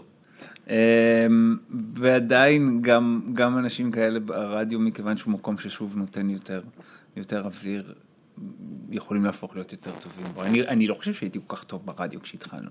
אני חושב שהיה לי מאוד מאוד קל להיות האיש שמדבר עם טל, כי טל היה כבר אז מאוד מאוד, אה, מאוד ידוע, מאוד מאוד מנוסה ותמיד מאוד מוצלח בזה. אה, אבל רק עם הזמן הצלחתי אה, למצוא יותר קול משלי. יש מצב שבדור דור, אתה אומר, כולנו, שכל תמונה שאתה מעלה, אתה בודק אותה שמונה פעמים ומריץ פילטרים, אולי זה חלק מהקסם. אתה יודע ששומעים אתכם, שומעים גם את כל הפלטות. בוודאי, בוודאי שזה חלק מהקסם. ואנחנו אנחנו שוגים הרבה, ואני חושב שלפעמים אנחנו, אמ, אנחנו קצת נודניקים גם על השגיאות שלנו, זאת אומרת, אנחנו לא, אנחנו לא מחליקים אותן, אנחנו לא ממשיכים כאילו שום דבר לא קרה, זאת אומרת, אם יש איזושהי שגיאה אז אנחנו... אנחנו יכולים לענות את עצמנו עליה בשידור. כי, כי, זה, כי יש גוגל ויש זמן. וכי זה אנושי וכי זה הדבר וכי אנחנו מתנהגים כמו שהיינו מתנהגים אלמלא המיקרופון היה פתוח. כן. וזה תמיד עובד בכל שלב שבו חשבנו האם לזייף. בסופו של דבר הגענו למסקנה שהזיוף רע והאמת. כמה פעמים קרה שיצאתם לאיזשהו שיר ומישהו מכם בודק בגוגל ואז מראה לצד לבן אדם השני את המסך אתה רואה אתה רואה 1492 אמרתי לך. זה קורה זה קורה אבל יש יש יש גוגל זה קורה יותר שאנחנו נתווכח על זה בשידור ואז מישהו מאיתנו יגיד שנייה. בודק בגוגל ויגיד רגע אני בודק בגוגל כי אתה חייב לתאר כמובן את הפעולות שלך ברדיו כי לא כן. רואים אותן. הוא ממצמץ עכשיו הרבה ועושה כאילו נוגע בטלפון. וזהו זה קרה יותר. כן. ואנשים שעולים לשידור, עד כמה, אתה יודע, זה נגיד משהו שבפורמט שלי ושל דורון זה, זה לא קיים, אנחנו באיזה אי מבודד כזה של אנחנו והאורח מדברים איתו, אתם כן. מכניסים את הכאוס לתוכנית שלכם. כן, אנחנו פ... פ... זה אתה לא יכול להגיד לי שזה תמיד בא לך טוב, כי הרבה פעמים אני שומע אצלכם ש... מה אתה שומע? נו מה? השאלה מה אתה מדמיין שאתה שומע. יש לך- אנשים מאזינים לתוכנית שלנו והם חושבים שאני כאילו אדם איום ונורא. לא, יש פעמים אבל שמישהו מדבר, אנשים לפעמים ניגשים אליי והם רוצים לדבר איתי והם נגיד מתחילים במילים אני יודע שאתה ממש ממש שונא שמדברים איתך. אבל רציתי להגיד לך, עכשיו אני לא, מה אמרתי בשום שלב שאני שונא שמדברים איתי, אנשים חושבים שאני ממש טיפוס אכזרי. דווקא להפך, באתי להגיד ש, שאצלכם אנשים מספרים סיפורים לפעמים שאני אומר, אני לא מאמין שהיא אומרת את זה. אני שומע את, את, את ליפז, כאילו, אשתי צועקת, מה היא אמרה עכשיו? אתה יודע, כל מיני כאלה, ואז אתם באים, יו, ואיך היא הגיבה? ואני אומר, אני הייתי מגיב ב... איך אמרת את זה עכשיו? אולי משפחתך שומעת את זה. אבל אני לא חושב שהם אף פעם אומרים דברים קיצוניים יותר ממה שטלו ואני היינו מספרים על עצמנו. ולכן זה כאילו איזה מין סביבה מאוד מכילה לסיפורים הביזאריים למדי שהם יש סיפור. אוקיי, למי שלא מכיר את התוכנית שלכם, אה, מבין מאזיננו, לפעמים אתם, אתם בוחרים איזשהו נושא, איזושהי תמה. מדי יום, מדי יום אנחנו בוחרים איזשהו נושא ומאזינים מתקשרים, בדרך כלל שניים בשעה, ארבעה בסך הכל בתוכנית, ומספרים איזשהו סיפור שקשור בנושא הזה, סתם הדבר המביך ביותר שקרה לך באירוע של העבודה לצורך העניין. כן. סוד משפחתי, כל מיני דברים. אז הנה. סוד משפחתי, סוד משפחתי. סוד משפחתי, יש כל מיני סודות משפחתיים שצריכים להישאר כסוד משפחתי אני חושב. כן, זהו, עניין הסודות, אני מודה שעניין הסודות הוא גבולי. אה, יש פרסים יפים, תשמע, אנשים רוצים פרסים ובסך הכל תמיד טוב לאוורר את הסיפור, לא, לא, לא יקרה שום דבר, עדיף מאשר להמשיך לקבור את הסוד באיזה, באיזה ארון ושיתכסה באבק. באת, סיפרת, כולם יודעים את זה עכשיו, קיבלת פרס יפה, יאללה. ואצלך, קרה לך שאתה דיברת על משהו משפחתי וקיבלת איזה אס.אם.אס כזה מאבא שלך, לא יודע, או מאיזה קרוב משפחה שאומר, חדל עכשיו, חדל, חדל, חדל. יכול להיות שבהתחלה, אין לי, אני, אני לא זוכר אה, אה, משהו ספציפי, אבל יכול להיות שבהתחלה זה לא בהכרח היה טבעי לאנשים הקרובים אליי, למשפחה שלי, לחברים הקרובים שלי, אה, התנועה הזו שסיגלתי לעצמי לחוות ומיד לספר. אה, כי אתה יודע, אני לא, אף אחד מהאנשים שמקיפים אותי לא בחר בפומביות הזו, אף אחד לא מספר לי משהו כדי שהוא יהיה ברדיו. אה, אתה צריך, אתה יודע, אתה יוצא לדייט, לא יודע מה, אני מניח ש... כן, אתה רווק היום? כן. אוקיי, אז אתה יוצא לדייט מדי פעם. נגיד. אתה יושב מול מישהו פרסט דייט, אתה חושב שלא עובר לו בראש, או-אה, אני צריך להיזהר בלשוני פה? מה פתאום, אבל אתה יודע שאף פעם לא דיברתי על דייטים שלי בתוכנית. ועדיין, לא? אז אתה יודע מה, יכול להיות תמיד ימי- יבוא מישהו שיעשה את הדבר הכל כך מוזר, שימצא ימצא את עצמו, פעם שתספר, לא קרה לי, אבל לחבר טוב שלי אתמול, הוא יצא אתמול לדייט ולא תאמינו מה קרה. זה מצחיק שאתה אומר את זה, אתה יודע שזה אף פעם לא יקרה משהו שהיה לי בדייט, כי יש משהו בדייטינג ש, אה, ששני הצדדים הם פגיעים בסיטואציה הזו, בעיקר בדייטים ראשונים, אה, ואני אף פעם לא, לא יהיה לי העוז, האומץ, החוצפה אה, לספר איזשהו משהו, משהו שקרה לי עם מישהו בדייט בקטע מביך או מלגלג או משעשע, או בכלל בשום קטע צורה. חיובי כן? מה? קטע חיובי כן? אם זה יהיה משהו מאוד מקסים, אז כן, כן תחלוק אותו, או שזה פשוט, אתה מוציא את זה פשוט מחוץ ל... לא, אם זה משהו מאוד חיובי, שהוא קרה בסיטואציה שהיא רומנטית, אז זה כבר, זה כבר קצת אולי אינטימי מדי. זה אף פעם לא יהיה על דייטים, זה אף פעם, אף פעם, אף פעם לא יהיה על דייטים. אתה אומר וזה אינטימי, מצחיק עכשיו, כי אני חושב שבפעם הבאה שאני אשב בדייט, אז אני, אני אשאל את עצמי האם עובר לו בראש אה, מה, שאתה, מה שאמרת עכשיו שעובר לו בראש. שמע, כולם כי יודעים אני מה אתה תמיד עושה. יושב בדייטים ו- ו- ואני שואל את עצמי אם עובר לו בראש השאלה, "למ- למה הוא לא מצחיק? חשבתי שהוא יהיה מצחיק. You forgot the funny. אני, כן, זה נראה לי תמיד, תמיד נדמה לי שהם מאוכזבים מזה שאני לא מצחיק, כן, אני אתה- לא כל כך מצחיק. תחשוב, יש אנשים שזה באמת ה ticket, לא ה ticket היחידי שלהם, אבל אנשים כמו, לא יודע מה, איזה אסי כהן, או אנשים כאלה, אני בטוח שביום יום שלהם, אנשים מאוד מתאכזבים ממי שהם, שיש להם בראש איזושהי תמונה. שאנשים יודע, אנשים כמו. כמו, כמו אסי כהן, הם, גדולים מהחיים על המסך. נכון. צריך להגיד, הם, הם top notch במה שהם עושים ברמה אולי בינלאומית, ואתה לא יכול להיות גדול מהחיים בחיים. אין אנשים שהם גדולים יש מהחיים בחיים. עניין גם עם המצחיקות, יש עניין עם הציפייה של אנשים שתצחיק אותם. אמ, לא יודע מה, אני, אני, אני, אני אומר כל מיני דברים, אתה ראית ווסט וורלד? כן, את כל העונה. כן, כן, כן. טוב. אז מי שלא ראה, אני, אני, אני עכשיו עומד לעשות איזה, איזה תקפצו ספוילר. קדימה, נו, יאללה, זה- זה תקפצו לא המדיום. קדימה, זה כן. באמת, ב- לשנייה. אתה זוכר את הקטע, נדמה לי שזה הפרק האחד לפני האחרון, שמייב קראו לה? השחורה. השחורה, כן, הב- הב- הבעלים של, ה, של, ה, של הבית זונות, היא, אמ, היא, היא בורחת מהפארק, מ Westworld, והיא נכנסת שם למעבדות, והיא מקבלת לידיה את האייפד. ש, ששולט, שיש בו מין אקולייזר כזה של התכונות שלהם, ואז היא, היא מעלה את, ה, את הביטחון העצמי שלה ל-20. ל-20, ואז בעצם היא, יש לה את האומץ, זאת אומרת, היא עוזרת אומץ באמצעות זה כדי אה, להתקומם ולברוח מהפארק. אה, אז אני זוכר שראיתי את זה ואמרתי לעצמי, איזה קטע, זה כאילו, זה מה שאני עושה ברדיו. אני מעלה את הדימר הזה של הביטחון העצמי למקסימום, ואז אני עושה את התוכנית, ואז אני יוצא מהתוכנית והוא יורד אה, לרמה די רגילה, די נורמטיבית, אני חושב. אה, אבל כשאני ברדיו אני במין פול ביטחון כזה, למי ואז אני אומר הוא- דברים, ניפחתי את חזי, הוא ניפח את זה, כן. ניפחתי את חזי, המנופח גם כך.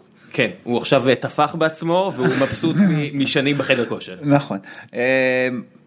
ואז אתה גם מצחיק יותר, ואז אתה פחות זהיר, ואז אתה לא שם זין, ו... וברגיל אני... לא, זה- זה- נראה לי תכונה שמאוד נפוצה למי שצריך to perform בזמן קצוב, אם זה כדורגלנים, אם זה, פרפור, אם זה סטנדאפיסטים. כן. אני בטוח שסטנדאפיסט שהוא יורד מהבמה, הדבר האחרון שבא לו זה להצחיק זרים. אולי את החבר'ה שלו בגרין רום, או כן. לא יודע מה, אבל שמישהו סתם יבוא אליו ויקח תמונה ויגיד לו זרוק לי איזה בדיחה, יגיד עזוב אותי. אתה יודע, אני בשנים האחרונות אה, רואה הרבה מופעי אה, אה, סטנדאפ, כי יש נטפליקס, אז יש פשוט המון מופעי סטנדאפ. אה, אני כמובן, זאת אומרת, האנשים שאני הכי אוהב זה שרה סילברמן ולואי סי-קיי, שזה מאוד לא מקורי מצידי, אלה האנשים שאני אוהב. ותמיד כשאני רואה את לואי סי-קיי, ויש לו כמובן את ההבחנות המפורסמות, המאוד מאוד מדויקות שלו על החיים, אה, זה עושה אותי עצוב. כשהוא אומר דברים ממש ממש מדויקים. כי, אני מסתכל ואני אומר, מי ש, שבקיא בנפש האדם בכאלה רזולוציות, אמ, ראה, ראה הרבה דברים בלתי נעימים. זאת אומרת, כדי, כדי לה- להגיע אל, אל הקצוות המאוד מאוד אבסורדיים ומשעשעים, אתה חייב אה, לעבור דרך החלקים הטרגיים, העלובים, הכואבים והאיומים, ולכן אמיתי, הוא מספר בדיחה, איזו בדיחה שהיא ממש ממש outrageous, ואני נורא נורא צוחק, ושנייה אחרי שאני צוחק פתאום, יש לי מין כאב בטן כזה, ואני אומר, יואו אלוהים, איזה כאפה עצומה ש, שהאיש הזה ודאי אכל כדי להיות מסוגל לספר את הבדיחה הזו. זה מעט ישו, אתה יודע, הוא סבל בשביל שאתה תהנה. שאני... אתה רוצה את התמה הנוצרית. אני חושב שישו ישו סבל בשביל שכולנו נסבול. אה, כן, אתה יודע, קתולים וזה, בשביל אבל... שכולנו אה, ניגאל. אמ, אבל יש בזה מן העובדה שכן, מן הסתם יצירה, אבל זה לא רק בסטנדאפיסט, תחשוב, תראה כמה מוזיקאים מתאבדים. נכון. מוזיק, מוזיקאי על כאלה, שאתה אומר, איך לא טוב לך? אתה עושה מוזיקה שכל כך כיף לי לשמוע, למה לא טוב לך? אבל אה, אמ, מוזיקאים לא... לא עושים, את ה, לא עושים את המעבר בהכרח מ- מטרגי לקומי. זאת אומרת, מוזיקאים שאני כמובן מקנא בהם מאלף סיבות אחרות, כי, כי, כי שירים זה הדבר היחיד שהוא נצחי באמת. הם פוגשים איזשהו משהו עצוב, והם יכולים לכתוב, להלחין, לבצע את העצב שבו, מין אה, מינוי סיקי כזה, או סרה סילברמן כזאת, עוד מיליון אה, דוגמאות אחרות שאינן הקלישאות הקבועות. אמ, צריכים למצוא דרך להיות שמחים ומצחיקים בזה, אתה מבין? לפעמים כאילו, אתה יודע, אתה תחשוב שאתה מקבל המון המון מכות על הגב, אבל אז אתה צריך לעשות את התנועה הזו שעשיתי קודם, של החזה המתנפח. זו תנועה הפוכה לתנועה של מי שקיבל את המכה. כן, אתה יודע, בארצות הברית אני בטוח שהרבה מהם גם לוקחים חומרים כאלה ואחרים כן. כדי to perform, לא, לא מסוג הדברים שאתה תעשה ברדיו בשש בבוקר. לא, מה פתאום? איזה, אתה יודע שעד לפני שנה... קפה כן? קפה בכמויות, קפה כמו לא נורמלי. אמ, עד לפני שנה הייתי יכול נגיד לשתות שתי כוסות יין אם נגיד הייתי הולך למסעדה לארוחת ערב בשעה שמונה בערב, ביום שלמחרת יש לי תוכנית. היום אני לא יכול לשתות יין באמצע השבוע. כואב לי הראש, גם לי. לא יכול, אבל זה זקנה, בן כמה אתה? אני 34 עוד מעט. אה, 34. כן. חכה חכה. חכה חכה, אלה, אלה השנים ש, ש, שכל חודש הוא עשור. אלה השנים שממש לא, לא, אני מרגיש שדפקתי את הכבד מתישהו, וזה נגמר. הכל קורס. לי לא היה צ'אנס לדפוק את הכבד כי אני עושה את הזאת מגיל מוקדם אז לשתות המון לא יכולתי אבל אני אומר לך שתמיד הייתי אומר טוב אז אני מוגבל לכוס יין אחת בארוחת ערב בלילה שלפני התוכנית. כוס אני לא בחיים אני לא יכול לשתות כוס יין היום. לא, היום אני כבר אני עושה יכול לשתות כוס יין ביום חמישי. אני עושה חישובים של כאב ראש כבר, אתה יודע, אני לא בא- לא בא. לי על הכאב ראש כבר. של כאב ראש של עייפות של איזה מין לפעמים אני מרגיש שזה עושה לי מין כזה בקול שאני מתחיל את התוכנית והקול שלי נגמר מין ידע ואני מרגיש איזה שאריות של, של אלכוהול אז אני לא שותה בכלל באמצע השבוע שלוק אלכוהולי אני לא אשתה. איך זה משפיע באמת על- הלו"ז שלך? מה? איך זה משפיע על...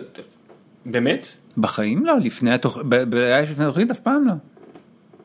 אוקיי, כאחד שכן מקשקש למיקרופון עם פחות מאזינים אמנם, אבל מה אכפת ל... אתה יודע, מה אכפת אם- עשיתי היום- אתמול בערב? אה, כי אתה עושה את זה כמה שעות אחרי זה? זה משפיע על ההתעוררות. אה, על ההתעוררות, אבל לא על- הכל. לא על הכל זה משפיע על ההתעוררות תראה את בוב. דילן, תראה איך הוא נשמע בדיוק אותו דבר כמו לפני 30 שנה. סרקזם, סרקזם, מצטער. בסדר. כן, כן. מדבר מבעד ל... אתה יודע, לכרית. אבל אני אומר, איך זה... איך... פשוט לא תוכל לקום בבוקר? ואתה גם עייף, אתה לא תפקודי, אתה, התנועה, שוב אנחנו חוזרים על התנועה הזאת שבה אני מנפח את חזי. רגע, אבל אתה הולך לישון, אתה עושה שנץ? בדרך כלל לא, מה פתאום, איזה שנץ. אתה לא עושה שנץ? איך... אוקיי, אוקיי. בוא- בוא- אני בוא הולך נראה. לישון בשעה מאוד מוקדמת. מה אתה עושה אחרי ש... אני אדם מאוד מאוד ממושמע. שזה טוב.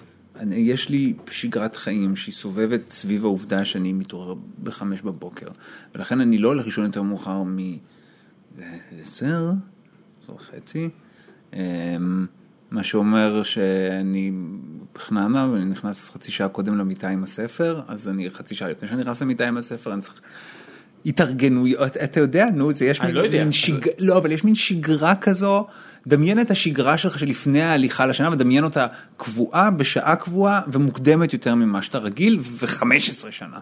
החיים באיזשהו שלב קצת סובבים סביב זה. אז דייט צהריים? מה? אם אתה צריך לצאת עכשיו לדייט עם מישהו, אתה מחכה לסוף שבוע, דייט צהריים? אני... אה, מה זה... אתה מחכה לסוף שבוע, שאתה לא הולך הרבה לדייטים. אתה מבין, בגלל זה אתה רווק, בגלל התוכנית הזאת. אני מקווה שאמא שלך לא מאזינה, היא תתחיל ללחוץ עליך לעשות. היא היא תעשה אחד ועוד אחד אם היא לא עשתה את זה עד עכשיו. היא עשתה? אה, אתה אתה מסמן לי, אתה קורץ לי פה, אתה קורץ לי? כן, בוא. היא אומרת, תראה טל, טל מסתדר. עשתה אחד ועוד אחד, יצא לה שלוש, ואז ארבע, ואז שבע, יותר מפעם אחת. זה שונה לחץ של אה, הורים לבן שהוא גיי לעומת, אה, לא שאתה, אתה יודע, אני מניח שאתה יכול לעשות את ההשוואה כי יש לך, כי בתרבות הפופולרית לחץ של הורים, אה, ל- מה, הלחץ של מתי תתחתן? תתחתן, תביא ילדים, אני יודע, אני- הלחץ של ילדים הוא זהה? מה הלחץ של של ילדים גייז כאילו? הוא כן, ילדים ל... עכשיו, עכשיו יש מלא, אתה יודע, היה לנו פה את אסתי. יהושע גרטלר, אה, ש... מפו- משתי- מפונדקאית אחת, שני ילדים, וזה נהיה מאוד נפוץ בקהילה. אז אבל זה, אבל זה דבר, זה, זה, זה דבר שתמיד תמיד אמרתי שצריך לקחת בחשבון אה, המאבק על הזכויות, המאבק על השוויון, שכמובן רחוק מלהיות מושלם אה, פה בישראל ובכלל. מישהו טוען שכן? אה, לא, אבל תמיד צריך להזכיר את זה, כי תמיד כששומעים אדם כמוני מדבר יחסית בביטחון אה, ובשמחה, אז אומרים, אה וואלה, תראו את ההומואים האלה. איזה- תגיד תודה שלא סוקלים אותך איזה בכלל. מצב, איזה מצב מדהים הוא. אז לא. לא. בהחלט לא. אבל המאבק הזה הוא תמיד, הוא תמיד כרוך גם אה, בצדדים המנג'סים שלו, זאת אומרת כשהיה ברור שברגע שהרבה מאוד להט"בים ולהט"ביות יתחילו לעשות ילדים, אז, אז גם הניג'וס ההורי יתאים את עצמו בגלל זה- שאלתי. לטרנד, אז כן, בטח, בטח שהם יכולים לשאול. ברוך הבא למשחק. מתי לך, יהיו לך ילדים, למה? רגע, אבל ילדים? אוקיי, אבל בוא נשים דברים על השולחן עוד פעם. בוא. אה, פונדקאות, יש עם זה, אתה יודע, החבר המשותף שלנו שהביא אותך לפה, הדר מרום, יש לי הרבה פעמים את השיחה הזו איתו, כי הוא תמיד, הוא וזוגתו הם תמיד בצד השני, שהם תמיד אומרים לי, אני מנהל- אני איתם איפשהו בדעה הזו, שזה לא, יש בעיות עם פונדקאות. בטח שיש. אני לא איזה שמרן גדול, אבל יש עם זה... סביר להניח שאני שמרן יותר גדול ממך. אוקיי, אבל יש עם זה, זה לא הכי... אני... ודאי שיש. יש פה ניצול. יואו, אתה יודע משהו על פונדקאות?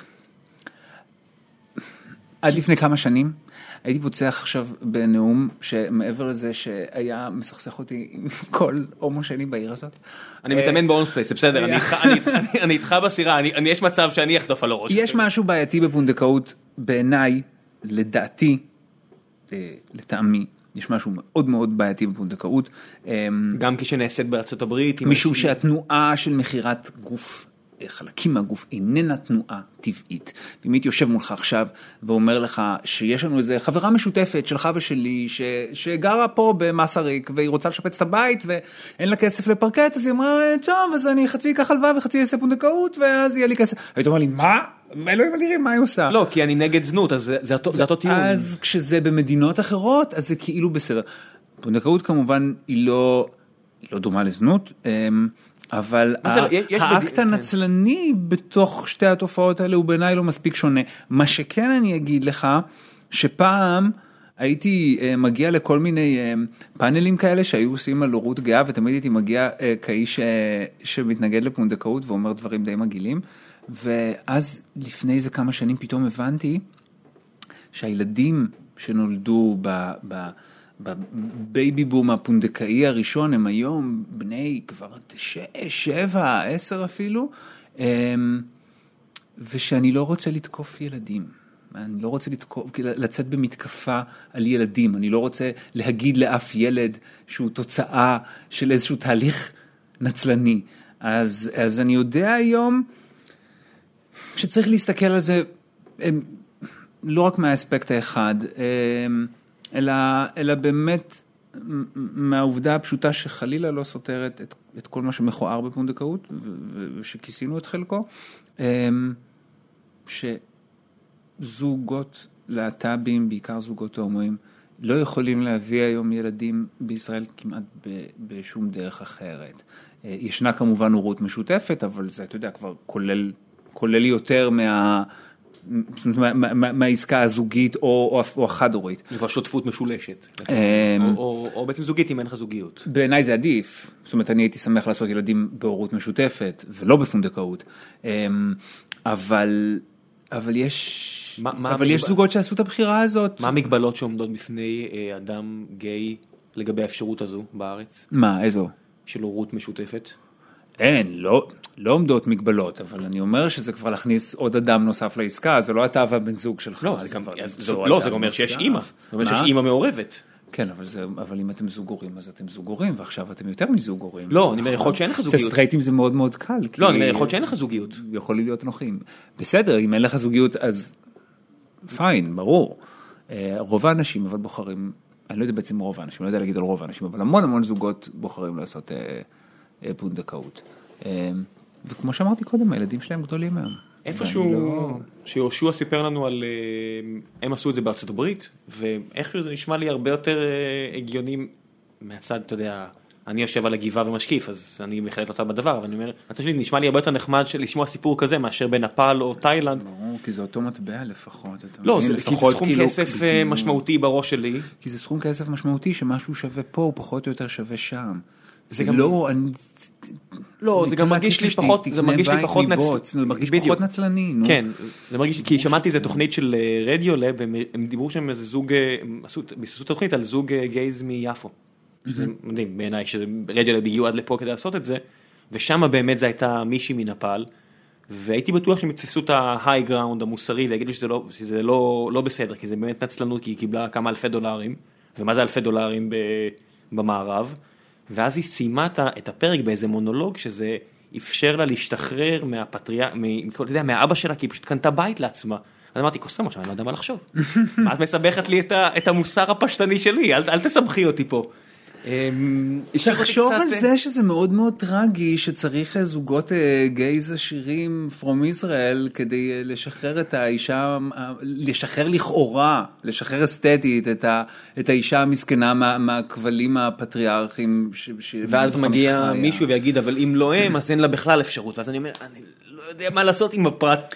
גם אני לא יודע, גם אני לא יודע, זה באמת, אני אומר לך, בשנים האחרונות זה נהיה, זה נהיה לי דיון יותר מורכב עם עצמי. מה שאני כן יודע בביטחון, זה שאני לא מרגיש נוח עבור עצמי עם האופציה הזו. של פונדקאות. אז מה שנשאר לך על השולחן זה או אימוץ. הורות משותפת או הנה, אימוץ? ישראל אהרוני היה פה אתמול, הוא אימץ ילד. והוא עשה משהו שהוא הוא אימץ ילד. זה אבל אה, הוא אימץ ילד בתוך, אה, בתוך נישואין, בתוך משפחה, יחד עם נכון, אשתו. נכון, נכון. וזה עדיין מזכיר לך מדהים. אה, ודאי, אבל אני כן. מזכיר לך ש- שאימוץ ל- ללהט"בים הוא כרגע בעייתי מאי פעם. אתה אומר מזכיר, אבל. יוצא מנקודת הנחה שיש לנו הרבה מאזינים של חרדים, וכל מיני חרדים, וכל מיני כאלה שהם לא מכירים את מה שאתה לוקח כמובן מאליו מבחינת הידע.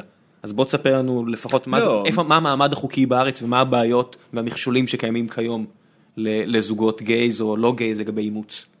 תראה, כרגע, כרגע מדינת ישראל, אמ, מה ההפך ממתעדפת? כרגע מדינת ישראל מפלה לרעה אה, אמ, משפחות לה- להט"ביות אה, בכל הנוגע לאימוץ. מה זה אומר?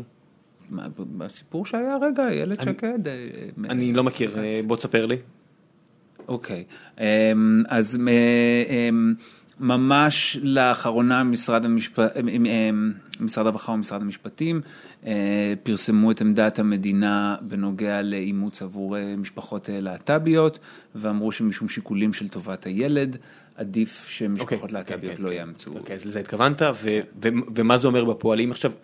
הרי יש איזושהי מסחרה ומדרג בילדים מאומצים שתינוק זה הכי שווה, וככל שהילד מתבגר, אז הוא, אני עושה פה גרשיים באוויר, שווה פחות. אני אומר, יש ילדים שאין להם בית, חיים במשפחות אומנה, או כל מיני אה, בתי יתומים, או לא יודע מה. מה שזה אומר בפועל, מכיוון שהרי אתה יודע, אם כל הילדים העזובים בעולם היו מתחברים לכל האנשים שרוצים לאמץ בעולם, אז היינו חיים באוטופיה. אימוץ הוא גם ככה תהליך ארוך מאוד. מורכב מאוד, מסובך מאוד. מה שזה אומר מאוד. כרגע זה שלמעשה מעדיפה המדינה שיישאר הילד אה, אה, עזוב וחסר בית מאשר שהיא תאמץ את המשפחה להט"בית. זה מה שזה אומר בפועל מבחינת העמדה של המדינה, מבחינת ההצהרות שלה. ובאמת, בפרקטיקה, באמת זה באמת מה שקורה. בפרקטיקה אם אני רוצה לאמץ ילד אני יכול להישאר ברצון. בפרקטיקה. זה, זה, זה היום בעיניך המאבק הכי חשוב? על, על זכויות להט"בים? כן, זה המאבק, תראה, גם מאבק על נישואין הוא מאבק חשוב. הרי כל המאבק על הורות הוא, הוא, הוא קצת כרוך בתוך המאבק על נישואים, כי גם כשמדברים על, אה, אפילו על, אה, על פונדקאות, אז מדבר, לא מדברים על פונדקאות אה, לזוגות להט"בים, מדברים על פונדקאות ליחידנים, כי מראש גם אם אני אהיה מחר עם בן זוג, אנחנו נחשבים יחידנים, כיוון שאנחנו לא נשואים, כיוון שאסור לנו להתחתן. כי עשו. לכם את הלופול של ברית, ברית, איך זה נקרא? ברית, ברית זוגיות לא, זה לא על הפרק ברית זוגיות, זה למיטב ידיעתי. אז שני המאבקים חשובים, אני חושב ש, שסיפור האימוץ הפך להיות חשוב יותר, משום שהעזה המדינה בחוצפתה לדבר במושגים של טובת הילד. של טוב ורע. של, של מה טוב ורע לילד, של מה מזיק או לא מזיק לילד. שמי יודע בכלל. כאילו אני יכול להדביק את הילד ב, ב, בהומיות. באיזו מחלה. כן. כי אם הייתה מגיעה מין איילת שקד כזאת, והייתה אומרת, אה, תשמעו, אני נורא נורא נורא נורא ימנית, ונורא נורא נורא נורא מעצבנת, ואני לא יכולה שבמשמרת שלי אה, יתאפשר אימוץ ל- לזוגות להט"בים, כי זה לחלוטין נוגד את מה שהבוחרים שלי מצפים ממני. אז, אז הייתי אומר, יואו, איזה מציאות תפוקה אני חי בה, אבל לפחות אני שומע את האמת. אתה חושב שזו לא האמת? היא, אני חושב שזאת האמת. לא היא ולא לא חיים כץ, שזה, שזה אגב יותר משרד הרווחה, זה יותר המשרד שלו, אמרו את האמת הזאת. הם כולם בחוצפתם דיברו במושגים של מה טוב בשביל הילד. הם אמרו ילדים מאומצים גם ככה מתמודדים עם קשיים חברתיים. אם הם יאומצו על ידי משפחות להט"ביות, על ידי זוג אמהות או זוג אבות, הם, יתווסף קושי חברתי לקשיים הקיימים ממילא. אני חושב שיש- וזו אמירה איומה, זו אמירה כל כך דוחה, וזו אמירה לא מדויקת, והיא... בתל אביב בטח שלא. עזוב בתל אביב, היא לא מדויקת מחקרית. מחקרית, היום בפסיכולוגיה אוהבים מאוד למדוד אושר. מבחינת מדדי האושר, מבחינת מדדי שביעות כן. הרצון, וגם מבחינת מדדים התפתחותיים וחינוכיים, ילדים שגדלו במשפחות להט"ביות אינם נופלים מילדים שגדלו במשפחות הטרוסקסואליות. אה, לפעמים, לא נעים להגיד, במדדי האושר, הם בינינו מרוצים יותר. אה, שמע, זה הנושא כל כך קשה אמפירית לבדיקה ויש כל כך הרבה משתנים במשוואה הזו. אתה יודע מה הוא לא קשה אמפירית לבדיקה, אה, מכיו- אושר הוא כמובן, זה, זה סתם. כן, אפילו להגדיר אושר, אני לא מסוגל, אני לא יודע אפילו מה מה שביעות רצון, אתה יודע, בדרך כלל מגדירים אושר בתור... חינוכית, התפתחותית. כן, לא אבל אז. נכנסים פה משוואות, אתה יודע, זה שאתה גיי לא אומר שאתה יכול, אה, שיש לך נגיד מספיק כסף כדי לתת את החינוך הכי טוב, ויכול להיות שפה לא, ויכול להיות ששם כן, ויכול להיות שאתה גר במקום כזה, ויכול להיות שיש מחלות, ויש יש כל כך הרבה... אתה, אתה, צריך אתה לנטרל לכל כך הרבה אתה דברים. תמיד בודק איזשהו חתך רוחבי, אני גם לא אומר שזה שאני גיי אוטומטית מכשיר אותי להיות הורה, מה, אני לא מכיר איזה הומואים או לסביות זה כולה אומר שאתה נמשך לגבר, אתה יודע, לא מה הייתי זה נותן אומר? להם? לגדל ילד בחיים, אבל, הקריטריון לא יכול להיות נטייה מינית, זה הדבר, וזה הדבר שהכי מעצבן אותי בעולם. אמ, מה עוד? מעצבן אותי? לא, מבחינת, אה, מקודם אמרת שאנחנו רחוקים מאוד ממקום שגייז מקבלים שוויון זכויות, ואני באמת רוצה להדגיש את העובדה שלא כולם מכירים את, את, את מה שאתה חווה. אז הייתי רוצה לשמוע מה, מה עוד מבחינתך, חתונה. אוקיי, אז הנה חתונה. אני שבוע שעבר הייתי בניו יורק עם זוגתי, אשתי, התחתנו. השאלה הראשונה, תודה רבה, השאלה הראשונה שהבחור בכניסה שאל אותנו, שבאתי, באתי כאילו לפניה קצת, אתה גיי? אמרתי, לא. עכשיו, אוקיי, סבבה, אבל זו הייתה השאלה הראשונה, כל כך רגילים כבר שמי שמגיע כן. ל-CTO להתחתן הוא הוא גיי. ואז אני אשאל אותך, למה אתה, למה אתה צריך את זה? אני לא צריך את זה. אז אתה בעצם נלחם עבור אלה שרוצים את זה? לא, אני צריך את האופציה. אני לא מוכן שיהיו לי פחות אופציות. כשמדינת ישראל אה, חותכת לי קרוב לחצי מהמשכורת מדי חודש, אני לא ניגש למס הכנסה, דופק להם בדלת ואומר, אבל למה אתם צריכים את זה? נכון? כן. אם רוצה ממשלת ישראל לנהל משא ומתן מול הסוכן שלי ולתת לי הטבות מס תמורת העובדה שאינני שווה זכויות, היא מוזמנת. בוא לא נפתח את הדלת הזו, אני לא יודע, כן. יריב בועז בן ציון, מי שצריך. איילת תכף מתקשרת אליהם כדי להשתיק. לא, אבל אה, אני רוצה שתהיה לי האופציה להתחתן אם אני רוצה. אני לא חושב שבהכרח חתונה זהו חלום חיי, אבל אני רוצה שתהיה לי האופציה, זה לא יעלה על הדעת שאני לא שווה זכויות. והדבר שהכי מרגיז אותי זה שבכל פעם שהומו הומו, לסבית או, או טרנס או בי אומרים דבר שכזה, אז התשובה היא תמיד, אבל אין מה לעשות, אנחנו חיים במדינה יהודית. כאילו שהמונופול הזה של הרבנות הוא, הוא, הוא, הוא, הוא מזג אוויר, הוא, הוא השמש שזרחה היום והגשם לא, שירד מחר. כאילו שלא מוכרים חזיר לא בכל פינה תופעה בתל אביב. יותר קל להם, אתה יודע מה, יותר קל להם למכור חזיר, לאנשים יותר קל עם זה שמוכרים חזיר בכל פינה בתל אביב, מאשר להגיד אה, לה- להורים שלהם, אנחנו רוצים להינשא בנישואים אזרחיים. זה כל כך מטריף אותי שזוגות חילוניים, סטרייטים, נישאים דרך הרבנות. זה מוציא אותי רגע, מהדעת. כשאתה מדבר על חתונה, שאתה רוצה בעצם את הזכות, אה, את האפשרות להתחתן, אתה בעצם מדבר על מה? שלהיות רשום משרד הפנים? נישואים אזרחיים. אז אתה, מה שבעצם הגאפ שאתה רוצה לסגור, זה שיהיה רשום לך בתעודת הזהות, אה, במקום רווק, נשוי. זה נשמע כאילו לא, לא, אני לא, זה- אני ואז לא- אני בא הביתה ואוכל pint בן אנד ג'ריס ורואה ברידג'ט ג'ונס. לא, אל תהיה כזה, אני- אני באמת מנסה אבל להבין באמת. אני מדבר על נישואים אזרחיים ולא רק ללהט"בים ולהט"ביות, אני מדבר על אופציה אזרחית אה, מסודרת לנישואים במדינת ישראל. אני מדבר על זה שהרבנות אה, אה, תהיה נוכחת בחיי אך ורק במידה שאני אבחר, ולא במידה שיתחשק לה. זה גם חלק מהבעיות שיש לסטרייטים, זוגות נגיד כמונו שהתחתנו אה, מעבר לים, שהם צריך, הבנתי שאם עכשיו נתגרש, אז היא עדיין, צריך לעשות את זה ברבנות. כן, צריכה לעבור את מסע הייסורים, אה, מסע, כן. החתחתים אה, בקרב, אני אה, חושב שהיא הולכת עם איזה סמרטוט מצד אחד של החדר לצד האחר, אני לא זוכר בדיוק מה שזה, אבל זה תמיד נורא תלוי. אני יכול להמשיך לדבר עליה ואז אני אבדוק את זה, אתה יודע, נורא. תלוי ממי את מתגרשת. אה, כן, כן, כי אם גברים רוצים לעשות את המוות לנשים, הם עושים את המוות לנשים בגרושים. גם להפך, אבל בעיקר גברים לנשים. כן, אני מודה שזה נושא שאני לא מכיר מספיק, אבל זה כל כך אמוציונלי שאני מניח שלכולם יש את האפשרות מאוד לפגוע.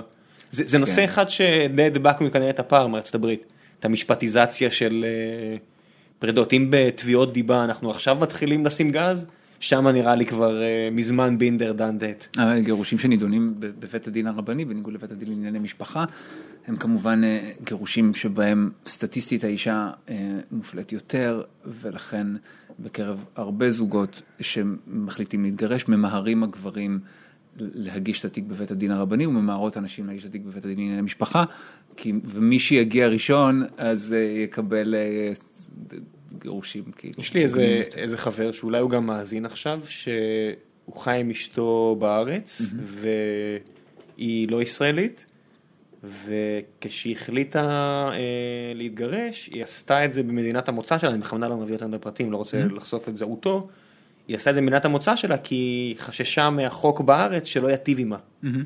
ואז כאילו סיפר את הסיפור בכמה שבועות או חודשים, אני זוכר כמה זה היה לאחר מכן במדינת המוצא, אמר לי, היא, היא לא הבינה ששם יותר מטיבים איתי מאשר פה. שפה מטיבים יותר עם האימא בנוגע לשמירת הזכויות על, ה... על אז אני הילד או ילדה. לא. אני גם לא, סתם אמרתי אם אתה, אם, אם אני, לא, אני אני זוכר מאוד מאוד פרטים מה- מהגירושים של הוריי, אבל זה היה לפני הרבה שנים. עשית טיפול פסיכולוגי? בטח. אתה אומר בטח כל כאילו- החיים אני עושה טיפול פסיכולוגי. אני עושה הרבה? טיפול פסיכולוגי, כן. אתה חובב? אה, חובב, אה, חובב, זקוק, כן, הכל ביחד. אני עושה פסיכואנליזה. כאילו חופר עמוק עם עת חפירה, אז עכשיו הזכרת עכשיו את הגירושים של ההורים זה משהו ש... אה, לא, זה לא, דווקא זה לא יושב על איזה מקום טראומטי. אבל זה בטוח, הוריי. איך, איך, איך לא? אולי נישואיהם טראומטיים יותר מגירושיהם. ועדיין, לילד לא הייתי כזה ילד, הם הייתי בן 20, 20 וקצת, כשהם התגרשו. 20 וקצת זה כמה שנים אחרי שהודעת להם שאתה לא סטרייט? חמ- חמש, שלוש עד חמש. אוקיי, אז אין, אין לך איזה שם, אתה יודע, לא היה לך איזשהו בראש, אולי אני פגעתי בהם או משהו כזה, כמו שהרבה ילדים חווים, אתה פשוט לא היית מספיק ילד כדי להיכנס לבור הזה. לא, לא, יאמר לזכותם של הוריי שהם, אה, שנישואיהם היו אה, מספיק מחורבנים. קודם. כאילו, כן, לא- לא- לא, לא לא, אני לא צריכים את הקטליסה. אין, בפסיכואנליזה כזה, בן 11 אומר משהו, אני אשם, אני אשם, וכזה, לא, לא, זה עליכם חברים. יש די ויותר אשמה ב- ב- ב- שאתה עובר את הטיפול אה, הפסיכואנליטי. אבל- עזר לך? מה? הטיפול? כן, אתה מרגיש שזה תרם לך, זה שינה לך את הפרסונת רדיו? אתה עכשיו שאתה שומע, שכן. אתה שומע עכשיו אנשים שמתקשרים אליכם עם דברים מאוד אישיים ואתה מרגיש שקיבלת אולי כלים כדי, אה, שמע אתה מאוד אמפתי. אני, אני, כשאני שומע את זה. מפז, היא תמיד אומרת אה, שמאוד, אני, היא מבינה למה אנשים מתקשרים אליכם כי אתם תמיד מאוד מקבלים. אנחנו, אני חושב שאנחנו טיפוסים אמפתיים. אה, אם זה שינה את הפרס... כן, זה מן הסתם שינה. כי אתה, אתה הופך להיות אדם מודע יותר, רגוע יותר, רגוע פחות. באופן כללי, כל שינוי שקורה אצלך כשאתה עושה מין תוכנית כזאת יומית כל יום, התוכנית כמו שאנחנו עושים, הוא בא לידי ביטוי ב... קיבלת איזה פידבק כלשהו? מישהו פעם פנה לך אמר, היי, שמתי לב שנהיית הרבה יותר שקול לאחרונה? לא, לא, זה לא קורה. לא, לא. המטפל מטפלת מאזינים? לא. יש חוק כזה? שצריך הפרדה מהחיים האישיים? אני לא חושב שיש חוק, אבל אני חושב... מה זה חוק? אה, אה, כאילו, אה, נורמה. אני, חושב שהנורמה היא לסכם, הנורמה היא לדעת, זאת אומרת הנורמה היא להחליט יחד למה נחשפים ולמה לא נחשפים. וכאן הייתה החלטה שלו? כן. ואז אתה בעצם יכול להגיע עם פרסונה שהיא שונה מהפרסונה הציבורית שלך? אה, אני לא, אני לא רוצה להסתיר ממנה את הפרסונה הציבורית, אני לא חושב שהפרסונה הציבורית שהיא כל כך שונה מהפרסונה הרגילה. אה, תשמע, בציבור, זה משהו שתמיד אמרתי, אם אתה עושה חמש פעמים בשבוע, חמש פעמים בשבוע? מה, אנליזה? כן, לא, תוכנית רדיו, תוכנית רדיו. חמש. אוקיי, אז שאתה חמש פעמים בשבוע בבוקר, אין לך את הלוקסוס לשקוע בדכדוך יותר מדי, כי זה הפרנסה שלך. נכון. אתה לא יכול להגיע ברדיו ולהגיד חרא לעולם. למרות שאתה לפעמים מאוד מדוכדך ולפעמים אתה מרגיש מאוד חרא. הכל בסדר, אבל אבל אז שבוע- אתה עושה כמו מייב בזה ואתה מעלה את הפוסט אין לך את- הלוקסוס להיות מבואס יותר מדי, בוא נגיד את האמת. בסדר, שעתיים וחצי ביום, יש לי די ויותר להיות זמן מבואס לפני ואחרי. ועדיין, אתה יודע, אתה יודע, הגדרה קלינית של מדוכא, מה זה, זה שבועיים או משהו שאתה כזה, לא יוצא מהמיטה. אין לך את זה. לא. אין, לא, אני אומר, אין לך, אין לך את האפשרות לעשות את זה. נכון. אתה חי מהסיפור, זה מקור הפרנסה העיקרי שלך, נכון? בוודאי. כן. ובתקופות מסוימות היחיד. אתה, את, מהבחינה הזו, זה סוג עבודה שממש מציל את חייך. כי, חווית פרידה כואבת? כן, למשל. איך זה קרה? איך זה, איך, איך הגעת למחרת לרדיו? פשוט הגעתי, זה בדיוק הדבר, שפשוט הגעתי. והיית סנשיין? קמתי בבוקר, לא הייתי סנשיין, אני אף פעם לא לגמרי סנשיין ואף פעם לא לגמרי ההפך, זאת אומרת זה תמיד כל מיני דברים, אה, אבל הגעתי ועשיתי תוכנית, ואולי זו אפילו הייתה תוכנית מצחיקה. באמת, ברגעים הכי אתה כואבים. מתאר את זה כאילו זה תוכנית אחת, אבל זה תקופה... בדיוק, לא, אני אומר תוכניות מצחיקות, אולי אלה אפילו היו תוכניות מצחיקות. והחבר'ה ידעו לחבק אותך ולתת לך מה יותר זמן... איזה אה, חבר'ה. יש מפיק. יש טל, יש... אה, וטל ו- ומפיקתנו ו... החבר'ה, בן אדם, אתה יודע, 2017, החבר'ה פרנדס, אתה יודע, זה ארבעה, חמישה אנשים, זה מה יש. כן, אבל אתה יודע, זה אני והוא. באולפן. אז טל, טל ידע לתת לך את, הספייס, שינה משהו? בתוך העבודה שלנו, בתוך השידור, לא. כלום? כלום, לא צריך גם. אה, אה, לא צריך, זאת אומרת, כמובן ש, ש, שבלפני ובאחרי וביחסים האישיים בינינו, ודאי שכן, כמו שאתה עושה עבור כל חבר או חברה קרובים. אמ, אבל לא, לא, אני לא עובד עם כל חבר או חברה טובים, יודע, אני, הרבה, הרבה אנשים מעדיפים מהסיבה הזו בדיוק להפריד זו עבודה. אף פעם לא הייתה שאלה. זאת אומרת, אף פעם, אני לא חושב שהוא חשב שאני נגיד יכול להרים טלפון ולהגיד, תשמע, אני מדי, אני מדי מדוכא. אני, אני, אני, אמ, ליבי שבור, אה, אני לא יכול לבוא לעשות תוכנית. אין דבר כזה. אף אחד מאיתנו אף פעם לא עשה את זה. לא, אני אומר, גם, גם אנשים שלא עובדים ברדיו, לפעמים יש להם יום מבאס, אבל פשוט להם יש את הפריבילגיה של, אתה יודע, נכון, לסגור את הדלת או להיות בקיוביקל, לשים אוזניות ולהגיד, אני לא מרגיש טוב היום, עזבו אותי קצת. אתה צודק, מכיוון ששנינו מכירים בזה שלנו אין פריבילגיה שכזו, אז זה- לא קורה. אוקיי, אני, אנחנו מגיעים לחלק בתוכנית שבו יש משהו, יש לנו משהו שנקרא פורום החיים עצמם של גיקונומי, אה, נותנים כבוד לראש ממשלתנו שטבע את המונח, הוא טבע את המונח?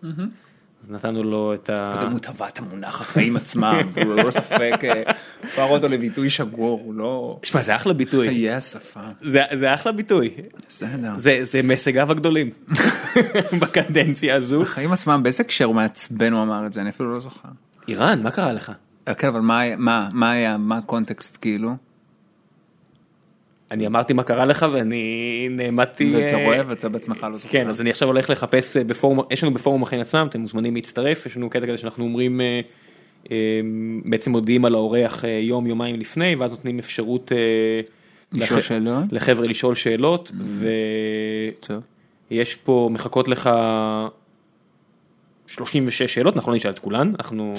זה הרבה, זה נחשב הרבה.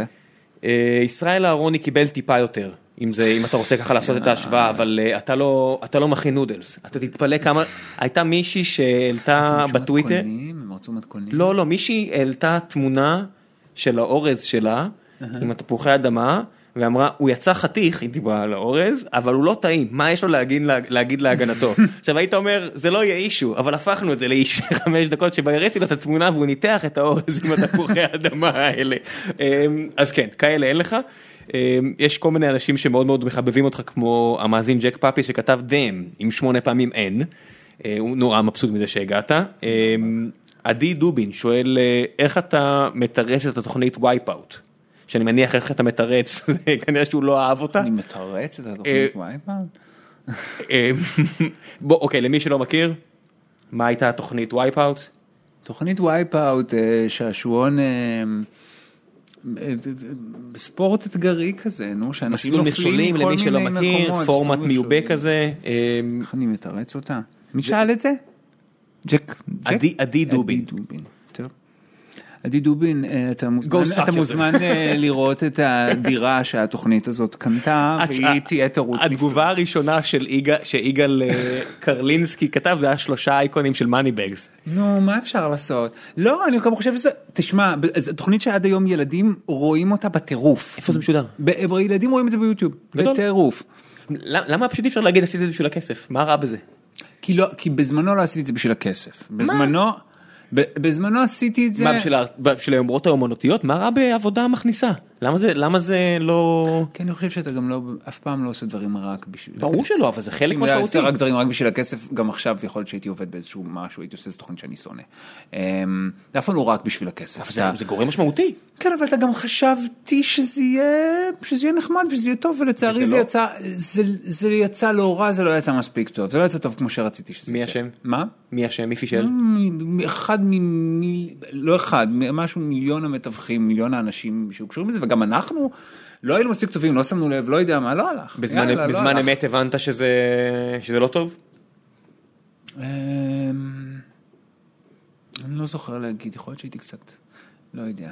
אתה יודע מה, גם היום, זה ממש תוכנית בסדר. אז הנה, אז למה- סתם, סתם, הוא שאל שאלה נודניקית, סתם, תעזוב אותו, אין טוב. שחלה. אה, עידן שרון... וחוץ אה, מזה, כן, אתה עובד כדי אה, להתפרנס, כן, וחלק לא- אני לא מבין מהדברים... את הדפנסיביות שלך, זה זה אחלה.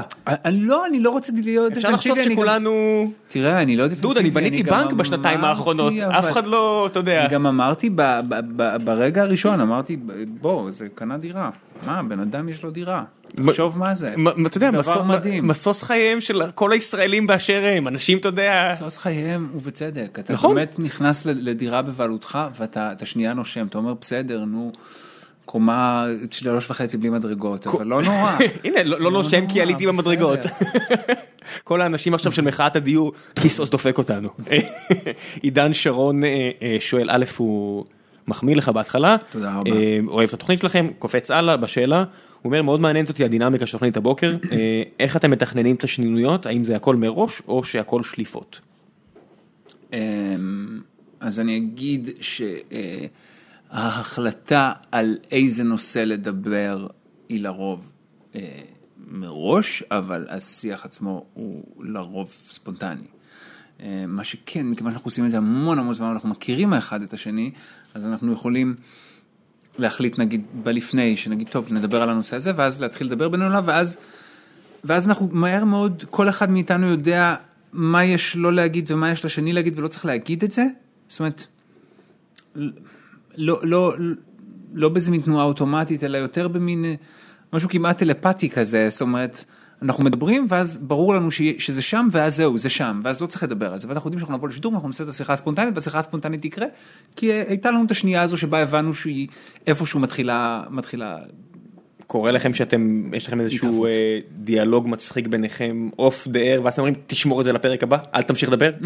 לא, לא, אין לנו תשמור את זה. מה, off the air, נגיד, סתם דיברנו בטלפון אחר צהריים כזה? כן, ואז אתה יודע, עשיתם איזשהו פינג פונג כיפי ואתה אומר, "אה, נשחזר את זה מחר, אל תמשיך לדבר. ל- לא, אבל יש לנו כן קטעים שאני יכול להגיד לו, יואו, היה לי עכשיו דבר זוועתי, כאילו יצאתי מאיזה חניון וזה, אבל אני אספר לך על זה מחר. זה, זה אוקיי, כאלה. כן, זה זה בדיוק כזה, כן, זה בדיוק כזה. כן, יש, יש. אנחנו גם שומרים. אוקיי. גם אין אפילו את הקטע של, קרה לי אבל אני אספר לך מחר, אנחנו פשוט לא נדבר על זה עד מחר. ואתה יודע, אמרת שאתה רואה הרבה סטנדאפ. כן. לא עושה לך חשק באמת לתסרט משהו? לבדוק את העצם הקריאטיבית שלך, הרי כתבת תוכנית טלוויזיה, נכון? כתבתי, כתבתי כמה פעמים, כתבתי בארץ שולץ, הרבה שנים. כן, כתבת את הטור בארץ, בליברל, אתה כן אוהב לכתוב מן הסתם, או אוהב או עושה את זה בשביל הכסף, אני לא מניח כי זה לא, לא, לא דברים שעושים בשביל הכסף בארץ. אבל- אה, אז זה אומר שאתה אוהב את זה, ולא בא לך להביא לתוכנית משהו יותר מתוסרט? הרי יש תוכניות רדיו מעולות בארץ מתוסרטות. אה, זה לא, לא אנחנו.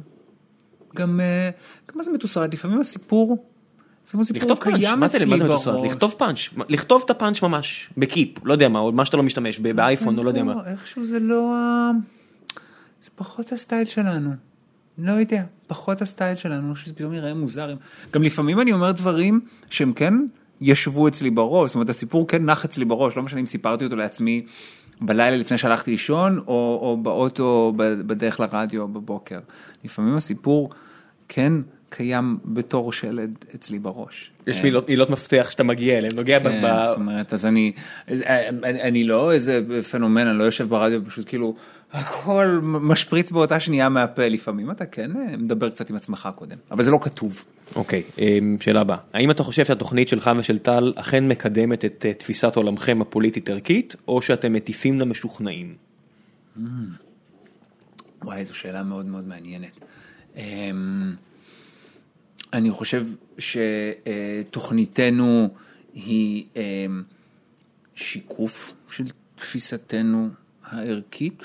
אני חושב שכל דבר שהוא מושמע בתקשורת, הווליום שלו מתעצם, זאת אומרת הוא אוטומטית הופך להיות אה, הרבה יותר אה, אה, חד ועם הרבה יותר סימני קריאה, הרבה יותר פסקני, אה, ולא לא מספיק שומעים את אזורי הביניים, אנחנו נורא משתדלים שישמעו אותם.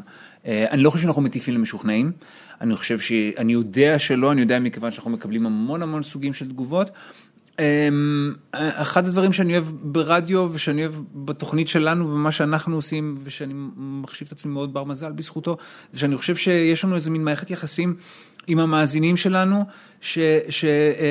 שבתוכה הם יכולים לשמוע דברים שהם לא מסכימים איתם ועדיין להמשיך לרצות לשמוע. ועדיין אה, לאהוב אותנו, ועדיין לחזור ולשמוע את זה ולהתווכח איתנו באוטו, ו- ולשמוע אחד מאיתנו אומר משהו ולקוות שהשני יענה לו. אמ, איפה יש בכלל אוכלוסייה כזאת הומוגנית של 300 אלף, זה, זה קראתי, כן, 300, משהו איפה, כזה. איפה יש כזו אוכלוסייה מוגנת ב- כן. בארץ שתמצא שהם יסכימו על משהו, של להטיף להם, בדיוק, אם הייתה כזו, היא הייתה בשלטון. 300 אלף אתה משתלט על הליכוד, אתה יודע. אז לא, אני לא חושב שאנחנו מטיפים ל... ל- קודם כל, אני לא יודע אם אנחנו מטיפים, אבל בכל מקרה זה לא, זה לא לא, למשוכנעים אתה או לא למשוכנעים. להטיף זה, מספיק שתגיד את הדעה שלך זה נתפס כהטפה. מה יש, קולות צריכים להישמע. נכון, אין, אין, אבל הטפה לא, יש לנו- מילה עם, אה, כן, אבל יש לנו, דו- יש לנו המון המון סוגים של, של מאזינים מבחינת הדעות, הערכים, הפוליטיקה, באמת הרבה סוגים של מאזינים, זה מאוד מאוד משמח אותי. לפעמים כועסים עליי, אבל אה, בסדר, מותר. אוקיי, ירדן אמיר שואל, אמ, האם להיות טוב בעימותים עם אנשים זה כישרון מולד או שניתן לפתח את זה? אתה לא נכנסים כל כך הרבה לעימותים. אנחנו מספרים הרבה על עימותים שיש לנו. אוקיי.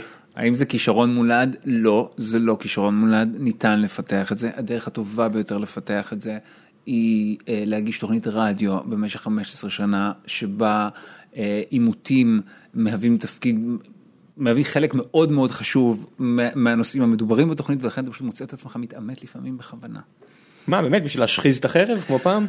בשביל, ש... בשביל שמשהו יקרה, זה לא להתעמת בכוונה, אני לא אתגרה במישהו, אבל לפעמים כאילו אתה, אתה נקלע לסיטואציה שהיא, שיכול להיות שאם לא הייתה לי תוכנית אז היא סתם הייתה בלתי נוחה, או שמישהו מדבר אליך לא יפה, או שאתה מתקשר לאיזה שירות לקוחות ומתנהגים איום ונורא, וכאילו מצד אחד אתה רב איתם, אבל גם מצד שני אתה עושה כזה, "Hmm, יש לי את הנושא למחר, טוב.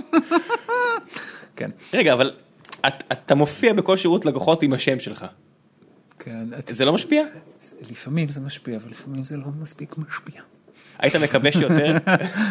אה, לא, אז- אז אז זה פחות שירות לקוחות, אבל אתה יודע, אתה העולם מלא במפגשים עם, עם בני אדם, ואם פעם הייתי אדם שנמנע ממפגשים עם אנשים אחרים, שנמנע מעימותים, אז היום אני מבין ש... שבכל דיאלוג שכזה, בין אם הוא טוב או בין אם קדימה הוא מתסכל, אל ת- אל תנתקו אותי, make my day. גם, אתה יודע מה גם, גם, וגם סתם, אדם בסופר, וגם סתם חברים שלך, זה, זה, כל תקשורת עם בני אדם היא בסופו של דבר מפרה את התוכנית, בזה עוסקת התוכנית, אתה- אתה מבין שאתה כמו בחיים אתה- עצמם. אתה שגיא כהן של החיים עצמם, אם שגיא כהן נכנס למסעדה והמלצר פתאום נתקף בחררה ואומר כן. יודע לא להגיד לו חמודי או לא יודע איזה מילים הוא לא אוהב בשבוע הנתון הזה, אתה כאילו מסוכן across the board. אז, אז בהמשך למה ששאלת אותי לפני, לפני די הרבה זמן, אמ, אנשים ש, שקרובים אליי אמ, יודעים שבסופו של דבר הם, אין מה לעשות. מוגנים. שלפחות אני אשאל לפני ש, שאני אספר משהו מביך. אה, ג'ק, אה, ג'ק פאפיס שהתלהב בהתחלה שואל איך לעזאזל לא נמאס לך? למה שימאס לי? אני לא יודע.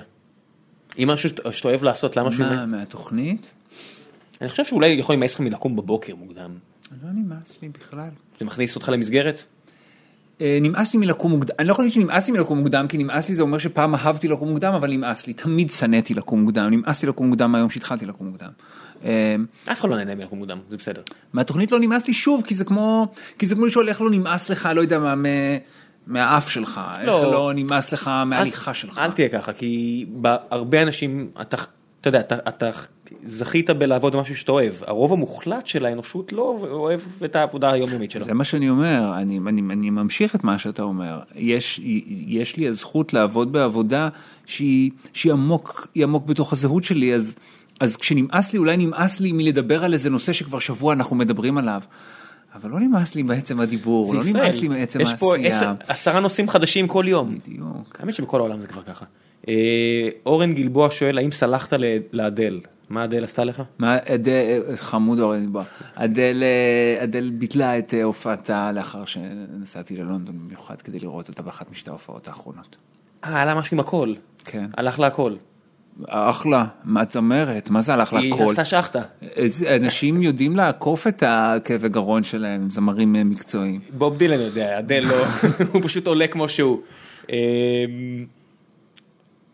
אוקיי. אה, מיכל פור- פורת שואלת מי הדמות האהובה עליך במשחקי הכס ולמה זה שאלה קב- קבועה ומישהו פה כבר מיד מתקן אותו ואומר הוא לא צופה. נכון, הוא מתחיל לא צפיית בינג' בשבועות הקרובים. מי זה? איזה גאון. אה, בר טייט ואז אה, מתפתח פה איזשהו דו שיח שמישהו אומר לו אתה stalker? לא, אני לא stalker. טל נותן לו על זה בראש מדי פעם. אתה מבין, זה השלוש מאות אלף אנשים שלכם, הם בכל מקום. אני לא, אני באמת לא צופה במשחקי הכס, ואני באמת מתכוון להתחיל בשבועות הקרובים.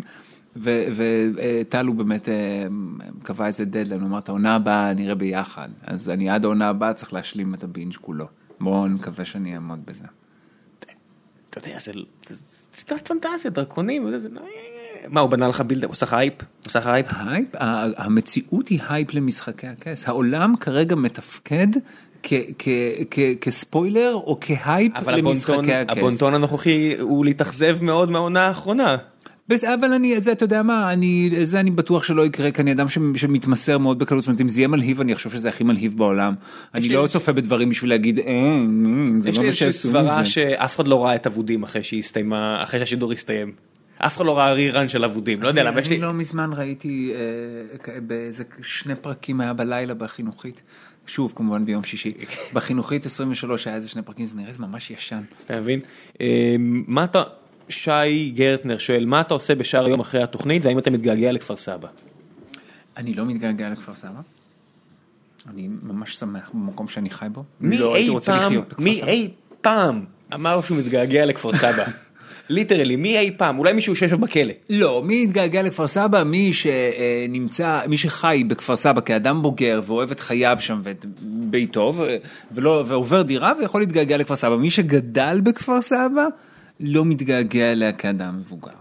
אמ, מה יש להתגעגע בכפר סבא? בלי להעליב את כפר סבא, אני באר שבעי, אני מרגיש שאני יכול, אתה יודע, אני מה שנקרא, יכול להעיד על עיסתי, אבל אפשר להגיד את זה על כל עיר, לא? לא, תל אביב היא מעולה, תל אביב פנטסטית ברמה בינלאומית. אני יכול להבין למה התגעגע לתל אביב. פנטסטית. אין, אתה יודע מה, ירושלים מאוד מיוחדת. אוקיי, נסבלת. בסדר, אבל היא מיוחדת, לטוב ולרע. סבבה, מיוחדת, דוחה מיוחדת. בסדר, כן. Whatever. אבל איזה עוד עיר בארץ, אני- מה יש להתגעגע, רוב הערים בארץ הן סטריליות, בלי, אתה יודע, הם רק אזורי שינה כאלה. נדמה לך, זה לא נכון, אנשים מאוד מאוד סנטימנטליים בנוגע מה, למקום לוקל המגורים פטריוטים שלהם. אה, ב- של כפר סבא? זה לא, זה אפילו לא לוקל פטריוטיות, זה, זה, זה לחזור, לחזור לסביבה מוכרת, זה יכול להיות כפר סבא, זה יכול להיות רמת שרון, זה יכול להיות חיפה. אבל אז זה- אתה זה נוסע המוס- ברחובות שאתה מכיר. נכון, אבל זה המושג האבסטרקטי של. בית. זה פחות העיר, אלא חזרתי הביתה. זה גם יש לי בבאר זה שבע. הביטוי המאוד קונקרטי כן. של המושג האבסטרקטי, זאת אומרת אתה נוסע ברחוב ואתה כן. מזהה את הבית הבא ו- ואתה יודע ב- ב- איפה איפה לעמוד כדי שיהיה צל, זה... אוקיי, אז זה לא אובייקטיבית העיר, אלא מקומך בעיר, והתפקיד שהיא נכון. מילאה עבורך, את זה אני מקבל לגמרי. אמ, ו- ו- ואני לא מתגעגע. אמ, אוקיי, גלעד אמ, שילוח שואל, האם אתה לא מרגיש שאתה יכול לתת יותר בתקשורת חוץ מהרדיו? אני חושב שאולי זה מגיע ממקום של יש לך דעות פוליטיות מוצקות, אולי היית רוצה מקום שבו יהיה להם, לא יודע, יותר השפעה, יותר, יותר במה, ואני מרגיש שיש לך... אני מרגיש שיש לי השפעה ושיש לי במה, אני, אה, אני כן מאוד שמח לעשות את גב האומה, מהבחינה הזאת, יש גם בגב האומה משהו, אני לא יודע אם יחתמו על זה, ויש משהו שהוא בחוויה שלי מאוד מאוד מאוד מאוד קרוב לרדיו. אתה כותב אה, בעצמך? אני, יש לי כותבים, כמו לכולם, וכמובן אני אה, משתדל לקחת אה, חלק אה, פעיל בכתיבה, אבל יש כמובן כותבים, יש כותבים בגב האומה, כן, מאוד כן. מאוד טובים ומאוד מאוד מוכשרים. היית אז- רוצה לכתוב אז גב? האומה זה עוד מקום, זה עוד מקום שאפשר לדבר בו, ובגלל זה אני מה, מאוד מאוד אוהב. מה. היחס בין הכתוב לבין הלא כתוב שם? בגב האומה? זה, אני חושב שזה נורא משתנה מתוכנית לתוכנית בעריכה, זאת אומרת זה גם יש את, ה, את הבדיחות הכתובות וגם יש את הדינמיקה על הסט תוך כדי, שזה מאוד משתנה. אני מרגיש שהייתי צריך לדעת את זה מהיכרותי עם אנשים שם, אבל כן. הייתי אמור לדעת את זה, אבל לא ידעתי. כן. ששידך בינינו נכון, את השידור נכון, הזה. נכון, אני מרגיש שהייתי צריך לדעת את זה. אוקיי, שכותב לי בין השאר. נכון, אוקיי, הייתי צריך לדעת את זה. אה, תמיר מאירי שואל, אה, האם אתה וטל חברים טובים גם מחוץ לתוכנית? שאלה שמאוד אוהבים, התשובה היא כן כמובן, אבל... אה, אתה אומר כמובן כאילו, אתה יודע, כאילו לא יכול להיות אחרת. כי כשאתה עושה אה, תוכנית שאתה משתדל לכמה, שפחות לזייף בה, אתה, לא תזייף את מערכת היחסים. אה, זה לא מובן מאליו, כי יש הר- הרבה, אני חושב, צמדים בתקשורת אה, שהם לא בהכרח מחבבים זה את זה ברמה הבין אישית. לשמחתי אנחנו כן, אני לא חושב שהייתי יכול לעשות את זה אם לא, אם לא, אם לא היה שם הדינמיקה טובה כי היא פשוט טובה. היא פשוט טובה. אה, ויש יש דרכים לזייף דינמיקה, אני יש- פשוט יש- לא... יש חברי לא להקות. שאתה יודע, מסיימים את הטור ואז אה, רוצים לדקור אחד את השני. אתם- נכון. אתם המון שעות ביחד. אוקיי, רפאל. בסדר, לפעמים בא לו להרוג אותי, לפעמים בא לי להרוג אותו, זה לא שזה לא קורה, לפעמים, לפעמים יש גלגולי עיניים, לפעמים יש כאלה, אבל רוב הזמן, אה, מה זה? כן, מי לא. חווה את זה בעבודה קרובה עם מישהו? אני ודורון בטח שכן. רפאל כהן שואל שאלה, לא בטוח אם זה נכון, זה תכף נגמר. לא שאתה מסתכל על השעון. לא, לא, לא, לא, חלילה. לא. לא, זה בסדר, זה עוד מעט, עוד מעט, זה תוכנית ארוכה. אה. רפאל כהן שואל, אה, בתקופה האחרונה אה, התוכנית חובה נפילה כלשהי מספר המאזינים, האם יש לך סיבה? א', האם זה נכון? לא. איך מודדים רדיו? מודדים רדיו ב-TGI. TGI זה סקר שמתפרסם פעם בחצי שנה, ו, והוא, והוא, והוא מין סקר כזה, זאת אומרת, הוא ממש כזה שאלונים שמגיעים לבתים של אנשים, והם נשאלים מה הם מאזינים לרדיו. אה, זה כמו רייטינג? כמו שיש אנשים זה לא שהם- רייטינג, זה לא, זה, אה, כן, זאת אומרת, מבחינת זה- זה המדגם. מדידות כאלה של פעם, כן. אתה מאמין אה, לזה? א', אני מאמין לזה, אה, כי זה, זה, מה ש, זה הדבר היחיד שיש. אני מאמין לזה כי זה מה יש. אה, אבל, זאת אומרת, אני לא, אני לא יכול להתייחס לזה אף פעם ברמת ה- ה- קוצו של מאזין. זאת אומרת, זה תמיד אתה מתייחס לאיזשהו, לאיזשהו טווח למיקומך ביחס לאחרים ולאחרות. אתה לא יכול להתייחס לכמה אנשים מילאו את השאלון הזה, שבו גם נשאלים, לא יודע מה, מה משחת השיניים המועדפת עליהם. כי בבירור יש כמות גדולה של אנשים שמאזינה לכם, אבל כן, יש כמות גדולה. אז ברור שלפעמים, אתה יודע, יש סקר שפתאום אתה יוצא עם, אה, לא יודע מה, את 5,000 יותר, אתה משתף פחות, זה משתנה. אבל לא מצליחים לבדוק, לא, אתה יודע, בוז'י אמור להיות ראש הממשלה לפי הסקרים, כאילו מה... כן, בסדר, אבל עדיין, אתה צריך להאמין למשהו, אתה צריך למדוד את עצמך איכשהו. אז אני שואל, אני לא יכול לעבור? ברחוב ולשאול אחד-אחד. אז מה, מה, א', מה, עתיד, זה, זה בעיקר בשביל מה, למכור פרסומות? למכור פרסום? מה, למה זה נועד? ה-TGI גם זה מה שבודק את ה- את העיתונות, זה בדיקה של חשיפה. זה לא, בדיקה מה- של מה- חשיפה מה? שבעקיפין גם משרתת את ה- את המכירה של של שטחי פרסום, של זמני פרסום, כן. ואז לא הייתה ירידה? לא, לא, לא הייתה. שוב, אני לא זוכר את הסקר האחרון לעומת הסקר הקודם, אבל בטווח שאתה אמור להימצא, ברור שהכל עד כמה אתם מסתכלים? טפו, טפו, חלילה. אוקיי, זה, זה שאלה שאני מכניס, עד כמה אתם אה, מכניסים, כמה אתה מסתכל ימינה שמאלה? מה זאת אומרת? תחרות.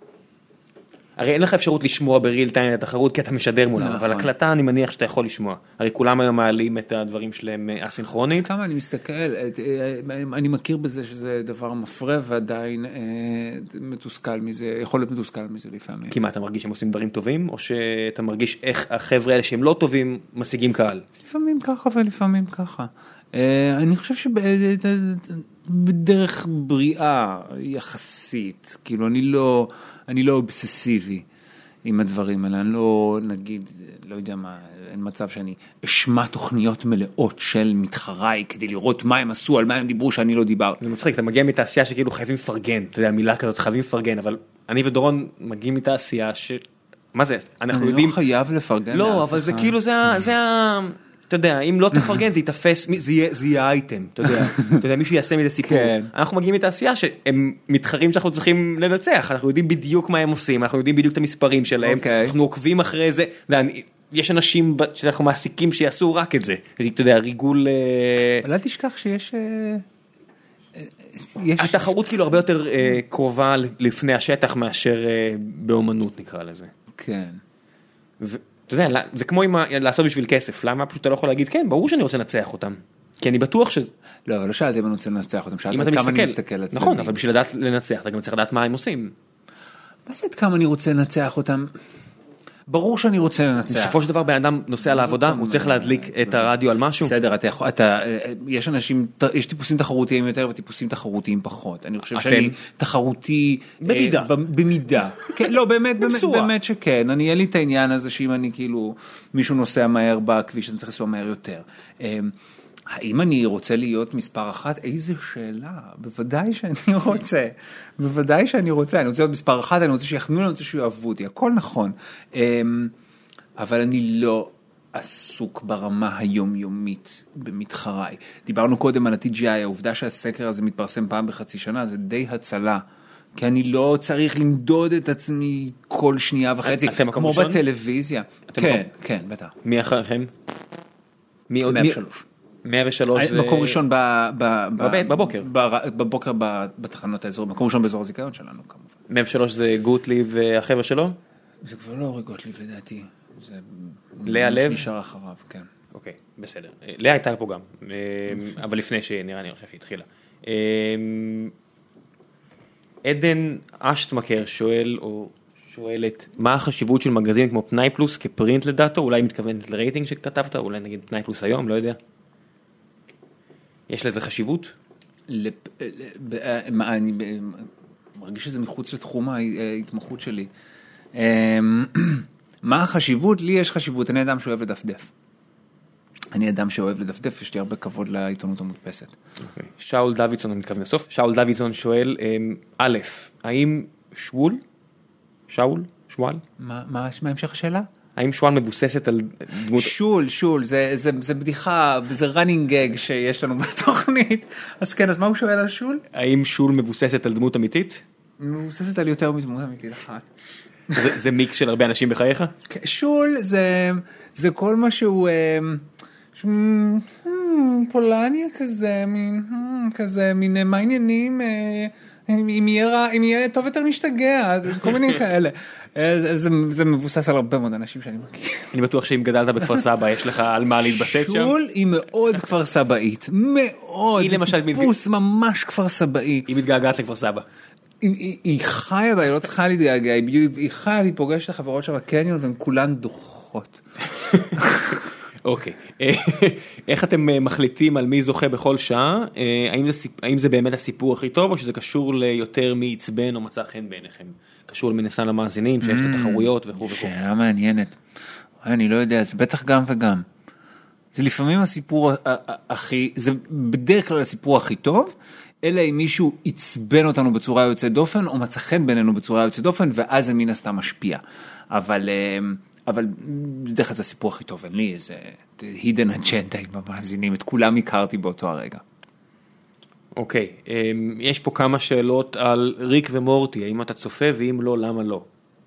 לא, אני לא צופה.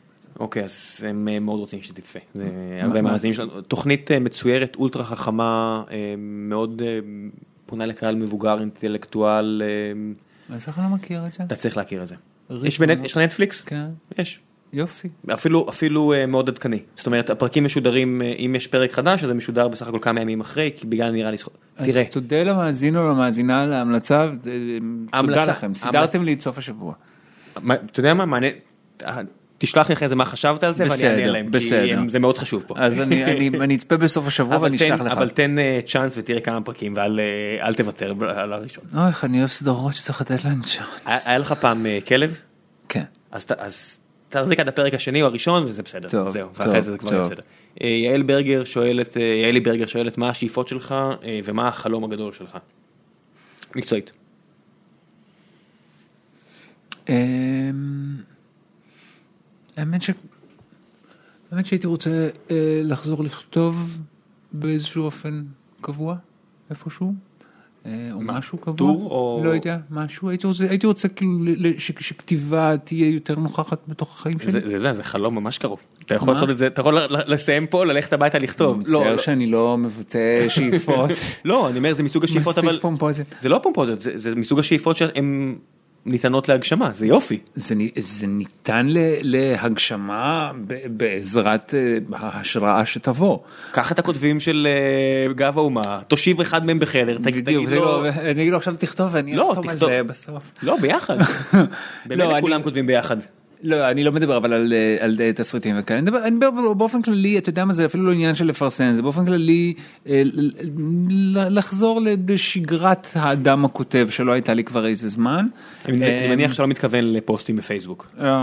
ספר, עיטור. כאלה, כאלה. אני לא, אני, אני מפחד להגיד דברים, כאילו אני, אני, אני, אתה ציבורי מדי כבר?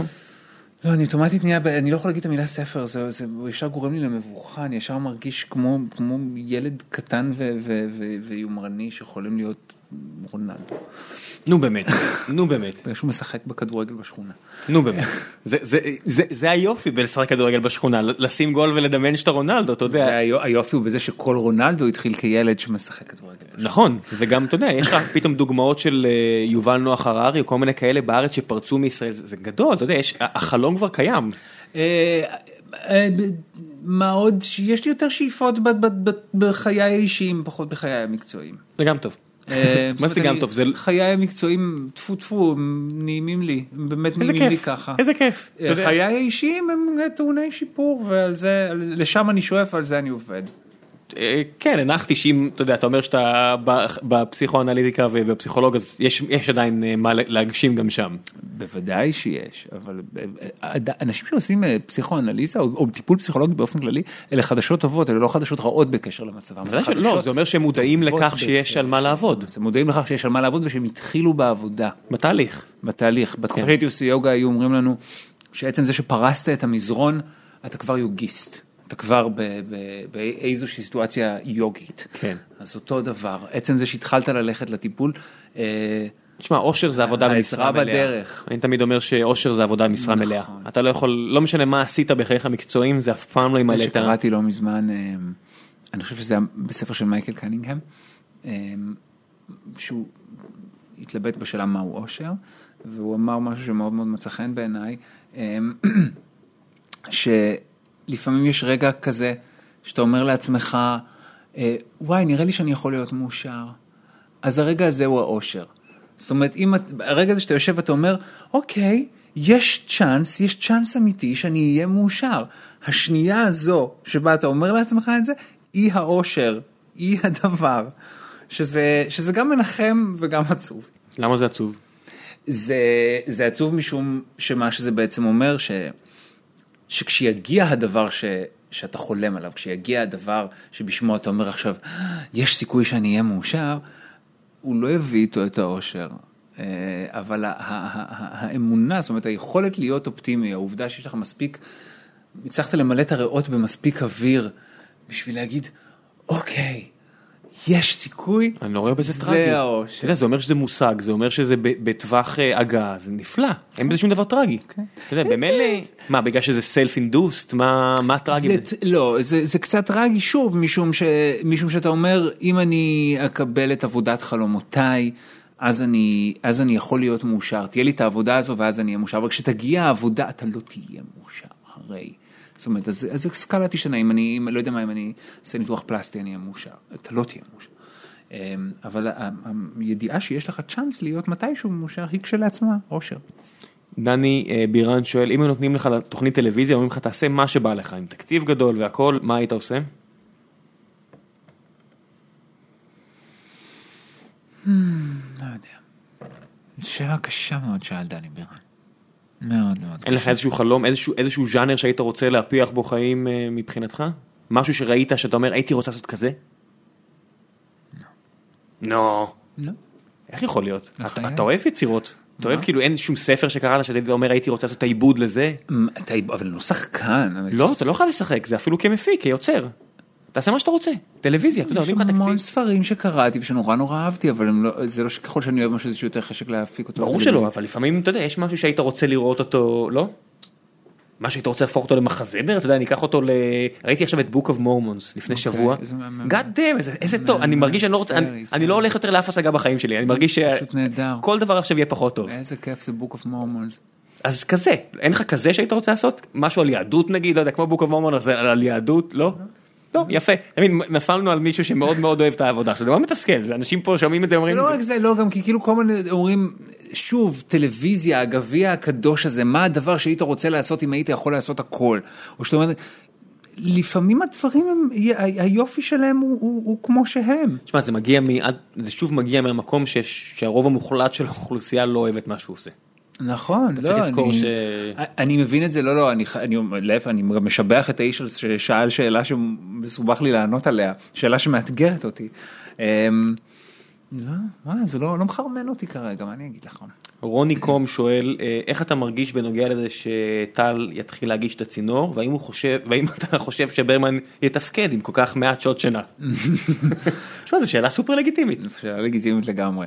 אמ, אני יודע שהוא, אני יודע שהוא יתפקד היטב, וזה מאוד מאוד משמח אותי שהוא הולך לעשות את הצינור זה- את הצינור, זה לא עכשיו פרגון מהפה החוצה, זה- זה- זה שעה מאוחרת. הצלחתו הצלחתי. מה? זה שעה מאוחרת, זה זה עשר וחצי.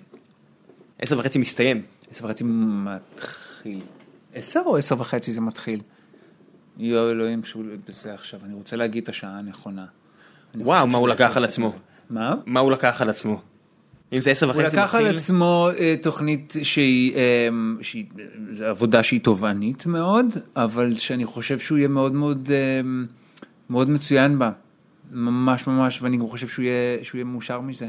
ולכן אני שמח שהוא עושה את זה. אה, תפקיד חשוב הוא פחות. פנאטי עם שעות שינה ממני. מה זה פחות יש פנאט לומר. משעות שינה? הוא לא בן אדם? הוא לא מה- הוא לא מהפיפל? הוא לא מה-human beings? מה זה פנאט על שעות שינה? זאת אומרת שאני נורא נודניק עם מספר שעות השינה שדרוש לי, טלי. יכול לישון פחות. מה זה פחות? ארבע שעות כל, אני עכשיו נכנס, אני הפולניה, אני הפולניה עכשיו. אמ, תשמע זה קשה, אני אומר את טלי זה ב... יתפקד בכל מקרה, הוא יתפקד בכל מקרה. טל הוא אדם מאוד מאוד... אה, אני אני נותן לו. אני נותן לו את ה... מסמיך אותו לשנץ. אם- אם- אם אי פעם היה מישהו שצריך לעשות לגמרי, שנץ, בדיוק. הוא אדם, שאסור לעשות לו ייסורי מצפון אף פעם על שנת הצהריים. אה, עומרי לימור שואלת, אה, או שואל, יש שם תמונה זוגית כזו, מי מעצבן אותך יותר, הורים לילדים או בעלי כלבים? בעלי כלבים. מה הקטע שלכם בעלי כלבים? שהכלבים שלהם נובחים ושמשאירים את הכלבים שלהם בבית ימים שלמים והכלבים שלהם מכיוון שהם יצורים חיים הם חרדתיים הם מרגישים נטושים בגלל שהם הם חיות להקה, לא סתם, אה, הם, יצורים חיים, אה, כן. זה הם, הם סגורים הם, הם, הם פוחדים ו, ופשוט אה, אה, יש אזורים שלמים בתל אביב לדוגמה האזור שאני גר בו שזה פשוט כלבייה זה מקהלה של נביחות ואז כשאתה בא אל האנשים האלה ואתה אומר להם, תקשיבו אתם לעשות משהו עם הכלב שלכם זה לך מה אתה רוצה שאנחנו נעשה כלב זה כמו ילד אז לא. דוחה, אם זה היה כמו ילד, לא היית משאירה אותו ימים שלמים בבית, נכון? אם הוא ילד, קחי מטפלת, קח אותו לעבודה. או- או- אומר, מדבר איתך בן אדם שהיום חזר מוקדם אה, לביתו כי הכלב, הבטן שלו התהפכה והלכתי והכנתי לו חזה עוף חתוך לקוביות. אתה יודע, כשאתה אומר דבר כזה, אנשים מסתכלים עליך בעין עקומה. אנשים מסתכלים עליך בעין עקומה, אולי בצדק. לא, לא, זה כלב, זה, זה אני, אנשים חושבים שאני מתעצבן על בעלי כלבים כי אני לא אוהב כלבים. להפך, אני מתעצבן על בעלי כלבים מתוך חמלה אל, ה, אל החיה שהם מגדלים ושכל כך סובלת וכל כך הרבה נובחת. ברור שאני סובל מהנביחות שלה, ברור שבאותו רגע שהיא נובחת בלי הפסקה, מתחשק לי להכניס את הגרביים לפה. יש גם כלבים גדולים, לא לכולם יש צפצפות קטנות. יש... הגדולים הם עוד יותר בלתי נסבלים. אני מדבר, יש אנשים עם כלבים שהנביחה שלהם היא נביחה. ויש גם נביחות, אני למדתי למפות נביחות של כלבים, יש נביחות שהן נביחות אך ורק של חרדת נטישה, שהן לא נביחה כי עכשיו הוא ראה, לא יודע מה, איזה יונה על, ה... על עדן החלון, אלא זה מין רף רף רף רף רף רף רף וזה נמשך עכשיו בקצב עד שבאיזשהו שלב אתה כבר לא יודע אם מישהו מנגן את זה או, ש, או שיצור חי נובח את זה. זה היה פעם, אה, זוכר שהיה את ערוץ הכלבים? לא. היה מישהו... מה זה ערוץ כזה שמשעשע את הכלבים כשאתה לא בבית? כן, ואז אתה יודע, כבן אדם שהתעסק עם כלבים, שירתי בצבא עם כלבים, וזה אחד הדברים היותר מטופשים שיש, כי כלב הבית זה המקום הקדוש שלו, מה זה אתה מכניס כלב אחר לבית? בטח שהוא ישתגע. אה, בערוץ הכלבים היו כלבים היו אחרים? כלבים שנובחים. חשבתי שסתם היו כל מיני... אז אה, היו כלבים שרצים באחו ונובחים, ואז אתה אומר, לא, זה "מה?" לא בשבילם. לא, זה לא בשבילם. הם יצורים טריטוריאליים. כן, אוקיי, שאלה אה, אחרונה. אה, יעל אברך שואלת, אה, למה אתה חושב ש-24-7 הדור הבא, אה, שהייתה טראש ריאליטי משובח, לא התרוממה, ומה דעתך האישית עליה הייתה? אה, למי שלא מכיר, אה, זה היה מעין תואם האח הגדול כזה, נכון? כן, זה השילוב בין הרווק לבין האח הגדול בערוץ 10. אוקיי. שעשינו, אתה רואה, הם נורא מציקים תוכניות שלנו שלא הצליחו. למה היא אומרת אה, טראש, אה, ריאליטי משובח, היה מישהו למעלה שלא שאל שאלה, פשוט אמר שהוא לא אהב, אבל לא הבנתי למה... מה, את 24/7? למה זה לא הצליח? אני לא יודע. אני לא יודע. אמ, גם כי, כי זה לא היה מספיק טוב, אה, מצד שני זה לא היה זה מאוד רע, יש דברים רעים יותר. אני באופן כללי לא יודע למה דברים מסוימים מצליחים ואחרים לא. אה, זה יכול היה להיות טוב יותר. זה יכול היה להיות טוב יותר ואז זה אולי היה מצליח יותר. התשובה, התשובה הפשוטה היא שזה בין השאר לא היה מספיק טוב. We fucked up זה אחלה תשובה, אה, אני ודורון משתמשים בה הרבה, שאנחנו- למה למה הסטארט-אפ הקודם נכשל? because we fucked up. We kind of fucked up. זה זה קבל קבל את זה זה זה אני אומר לך זה אחלה תשובה פשוט להרים את היד להוריד את הראש ולהגיד I fucked up. יש צריך להגיד את זה למשקיעים זה בכלל אה, תשובה טובה אם אתם שומעים את זה עכשיו אני שוב מצטער מאוד. זה לא שאלה אבל לפני שנסיים אורי אהרון אומר אה, להכניס דמות של נער הומו לסדרת טלוויזיונית בערוץ הילדים Mm, כפי כן, שעשית זה. אדיר. תודה רבה. הוא רוצה להחמיא לך. הוא זה גם- פלשבק, אה, סדרה ש, שיצרתי יחד עם שחר סגל ואורן יעקבי שגם כתבו, וזו הייתה פעם ראשונה שבדרמה של ערוץ הילדים הייתה נער הומו וזה זה באמת באמת אמיתי, אתה רואה, הם שואלים 24 שבע וכזה, באמת באמת אמיתי, זה אחד הדברים שאני הכי הכי גאה בהם שעשיתי. זה אני אומר, וואי, איזה כיף ש... אורי אומר ש- שזה... ש- שכשאני אמות זה יהיה מין דבר כזה שהספקתי לעשות בחיי. אתה בן 38, יש לך עוד ים בשנים. לא משנה, אבל, אבל תחשוב שיש מין רגעים כאלה בחיים שאתה כן. אומר, זה, זה מין רגע כזה שהוא, שהוא נצחי, שיום אחד מישהו ככה יפ, יפרק את החיים שלי למין ציר, זה רגע שיזהר. אתה מכיר את הרעיון האחרון של ג'וזף פלר? לא, אני לא הוא עשה מכיר. למעריב אני חושב, את הרעיון האחרון שלו. אוקיי. אם אני לא טועה והמראיין, לא זוכר מי זה היה, שאל אותו אם הוא לא מתבאס מכך שמלכוד 22 היה הדבר הכי טוב שהוא עשה וזה היה אה, בין היצירות הראשונות שלו, הראשונה, ושום דבר שהוא עשה מאז לא היה as good, האם זה מבאס אותו. אז הוא ענה. 99.999% מהאוכלוסייה לא כתבו את מלכוד 22 או ספר ברמה הזו, אני כן אז אני חי עם זה בסדר. אני אומר אה, לטובתו של ג'וזף פלר ש- שאלוהים יודע טוב יותר ממלכוד 22. אה, מה אתה אומר? אלוהים יודע טוב יותר ממלכוד 22. כן. אה, ספרו. כן כן כן לגמרי לגמרי. טוב הגענו לסוף התוכנית וזה בדרך כלל השלב שבו אנחנו נותנים לאנשים לקדם דברים שהם רוצים לקדם. אתה רוצה לקדם משהו או להגיד לתת המלצות זה בדרך כלל השלב שאנחנו אומרים לאנשים איזה המלצה שאתה רוצה תוכנית טלוויזיה תוכנית רדיו ספר אה, אה, סדרה דוב חנין אמר לכו לטייל בים אריאל רובינשטיין פרופסור אמר תכירו אנשים חדשים. או קידום או המלצה או שאפשר גם וגם. הכל. אז אני אגיד, אה, האזינו ל- לתוכניתנו מדי בוקר בשעה שבע, תשע וחצי באקו 99 FM וברדיו כל רגע. זה 99 FM בכל הארץ? מה? לא, יש אה, אקו 99 FM, זו תחנה של אזור הזיכיון שלנו, אבל ניתן- גם יש לנו כמובן באפליקציה והאתר של אקו 99 FM, להם ניתן שומעים מכל טל הארץ. זה טל ואביעד זה רק באזורים ספציפיים בארץ? כן, אבל זו פריסה יחסית גדולה. ויש גם בצפון, ויש זה. וואו זה בורות לגמרי מצידי אבל איפה לא שומעים איפה אי אפשר לשמוע אתכם? באילת. אפשר, יש אפליקציה ויש אתר. לא בוודאי אבל אני אומר בגלי הרדיו. וואלה טוב בסדר יש גם בפודקאסטים. אה, אמ, צפו בגב האומה בערוץ 10, צפו ב- בצינור בערוץ 10. מתי הוא מתחיל? מתי לרר עוזב? לא כבר עזב. אה, זה מתחיל בשבוע הבא. וואו כן. אתה מפחד מהשינוי? אני, למה שהוא יפחד? זה עדיין זה אני מאוד שמח ומתרגש בשבילו. כן, אבל אבל תקשיב, אנחנו עושים את התוכנית הזו כל כך הרבה שנים, יש לנו לא, איזה. מין ביטחון בדבר הזה שאנחנו עשים, הוא לא, הוא לא, לא כי אני אגיד לך כי לא הצינור. הפך להיות אה, שופר של דעות לרר השתמש בזה כבמה לאקטיביזם יודע אוקיי. מיני דברים לא יודע מה טל יעשה עם זה אבל בהנחה שזה ימשיך להיות ככה זה בטוח משהו ישנה יזלוג לתוך התוכנית שלכם גם. י- י- זה יהיה מכפיל כוח על האפשרות שלכם שאלות להגיע. שאתה צריך להפנות לברמן. בסדר. זה, זה לא שאלה. אני רק, אתה יודע, אומר, יהיה לכם אפשרות עכשיו ביחד או לחוד להפיץ עוד. אה, מהבחינה הזאת. כן. אם, אם אתה יודע, חשוב לך נגיד זכויות להט"בים, אז תוכל לבקש. טל, תגיד. אה, בוא, תעשה לי, בוא תסדר לי אייטמים בצינור. כן. זה לא חשבתי על זה, וואלה, בסדר, סבבה. לא, אני אומר, זה, אתה יודע, תופסים את הלילה, תופסים את הבוקר, זה... בסוף נשתלט על העולם. אה, כן. תקראו את הספר אמ, Why Why be happy when you can be normal? למה להיות מאושרת כשאת יכולה להיות נורמלית?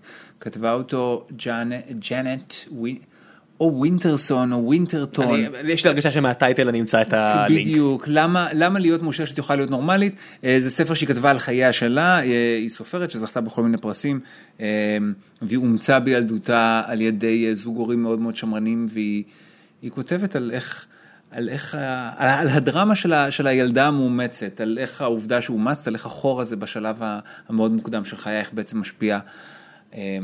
על כל החיים, על, על, על, על ילדותך, על הזוגיות שלך, על הבחירות שאת עושה, על הכתיבה שלך, וזה, וזה מצחיק ונוגע ללב וממש נהדר. נשמע- זה מה שאני קורא עכשיו, בינתיים אני בעמוד 100 ומשהו, אולי אחר כך זה יהיה גרוע, מה אני יודע. נשמע כמו יופי של המלצה. אה, איך אתה קורא? ספר אה, קינדל או דפים? אם אני קורא בעברית אז אני קורא דפים, את זה, את זה אני קורא בקינדל. כן, אבל נשבע- שזה גם בעברית, זה תורגם לי. נשברת וקנית קינדל?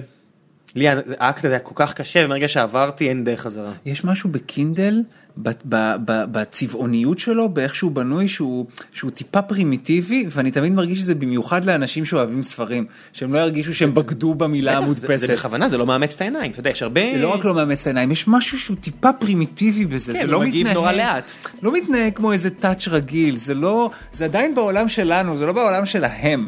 אני בעיקר אוהב את העובדה שאני לא יכול לעבור בטעות לוואלה ואתה יודע, אני לא יכול לזפזפ. כן, נכון. ואני יכול לראות, אתה יודע, הלחיצה ארוכה ואז לראות תרגום, יש מילים, אתה יודע שאתה לא מכיר, ואתה אומר, אה, אוקיי, הבנתי. זה מאוד אה, כיף שיש את ה...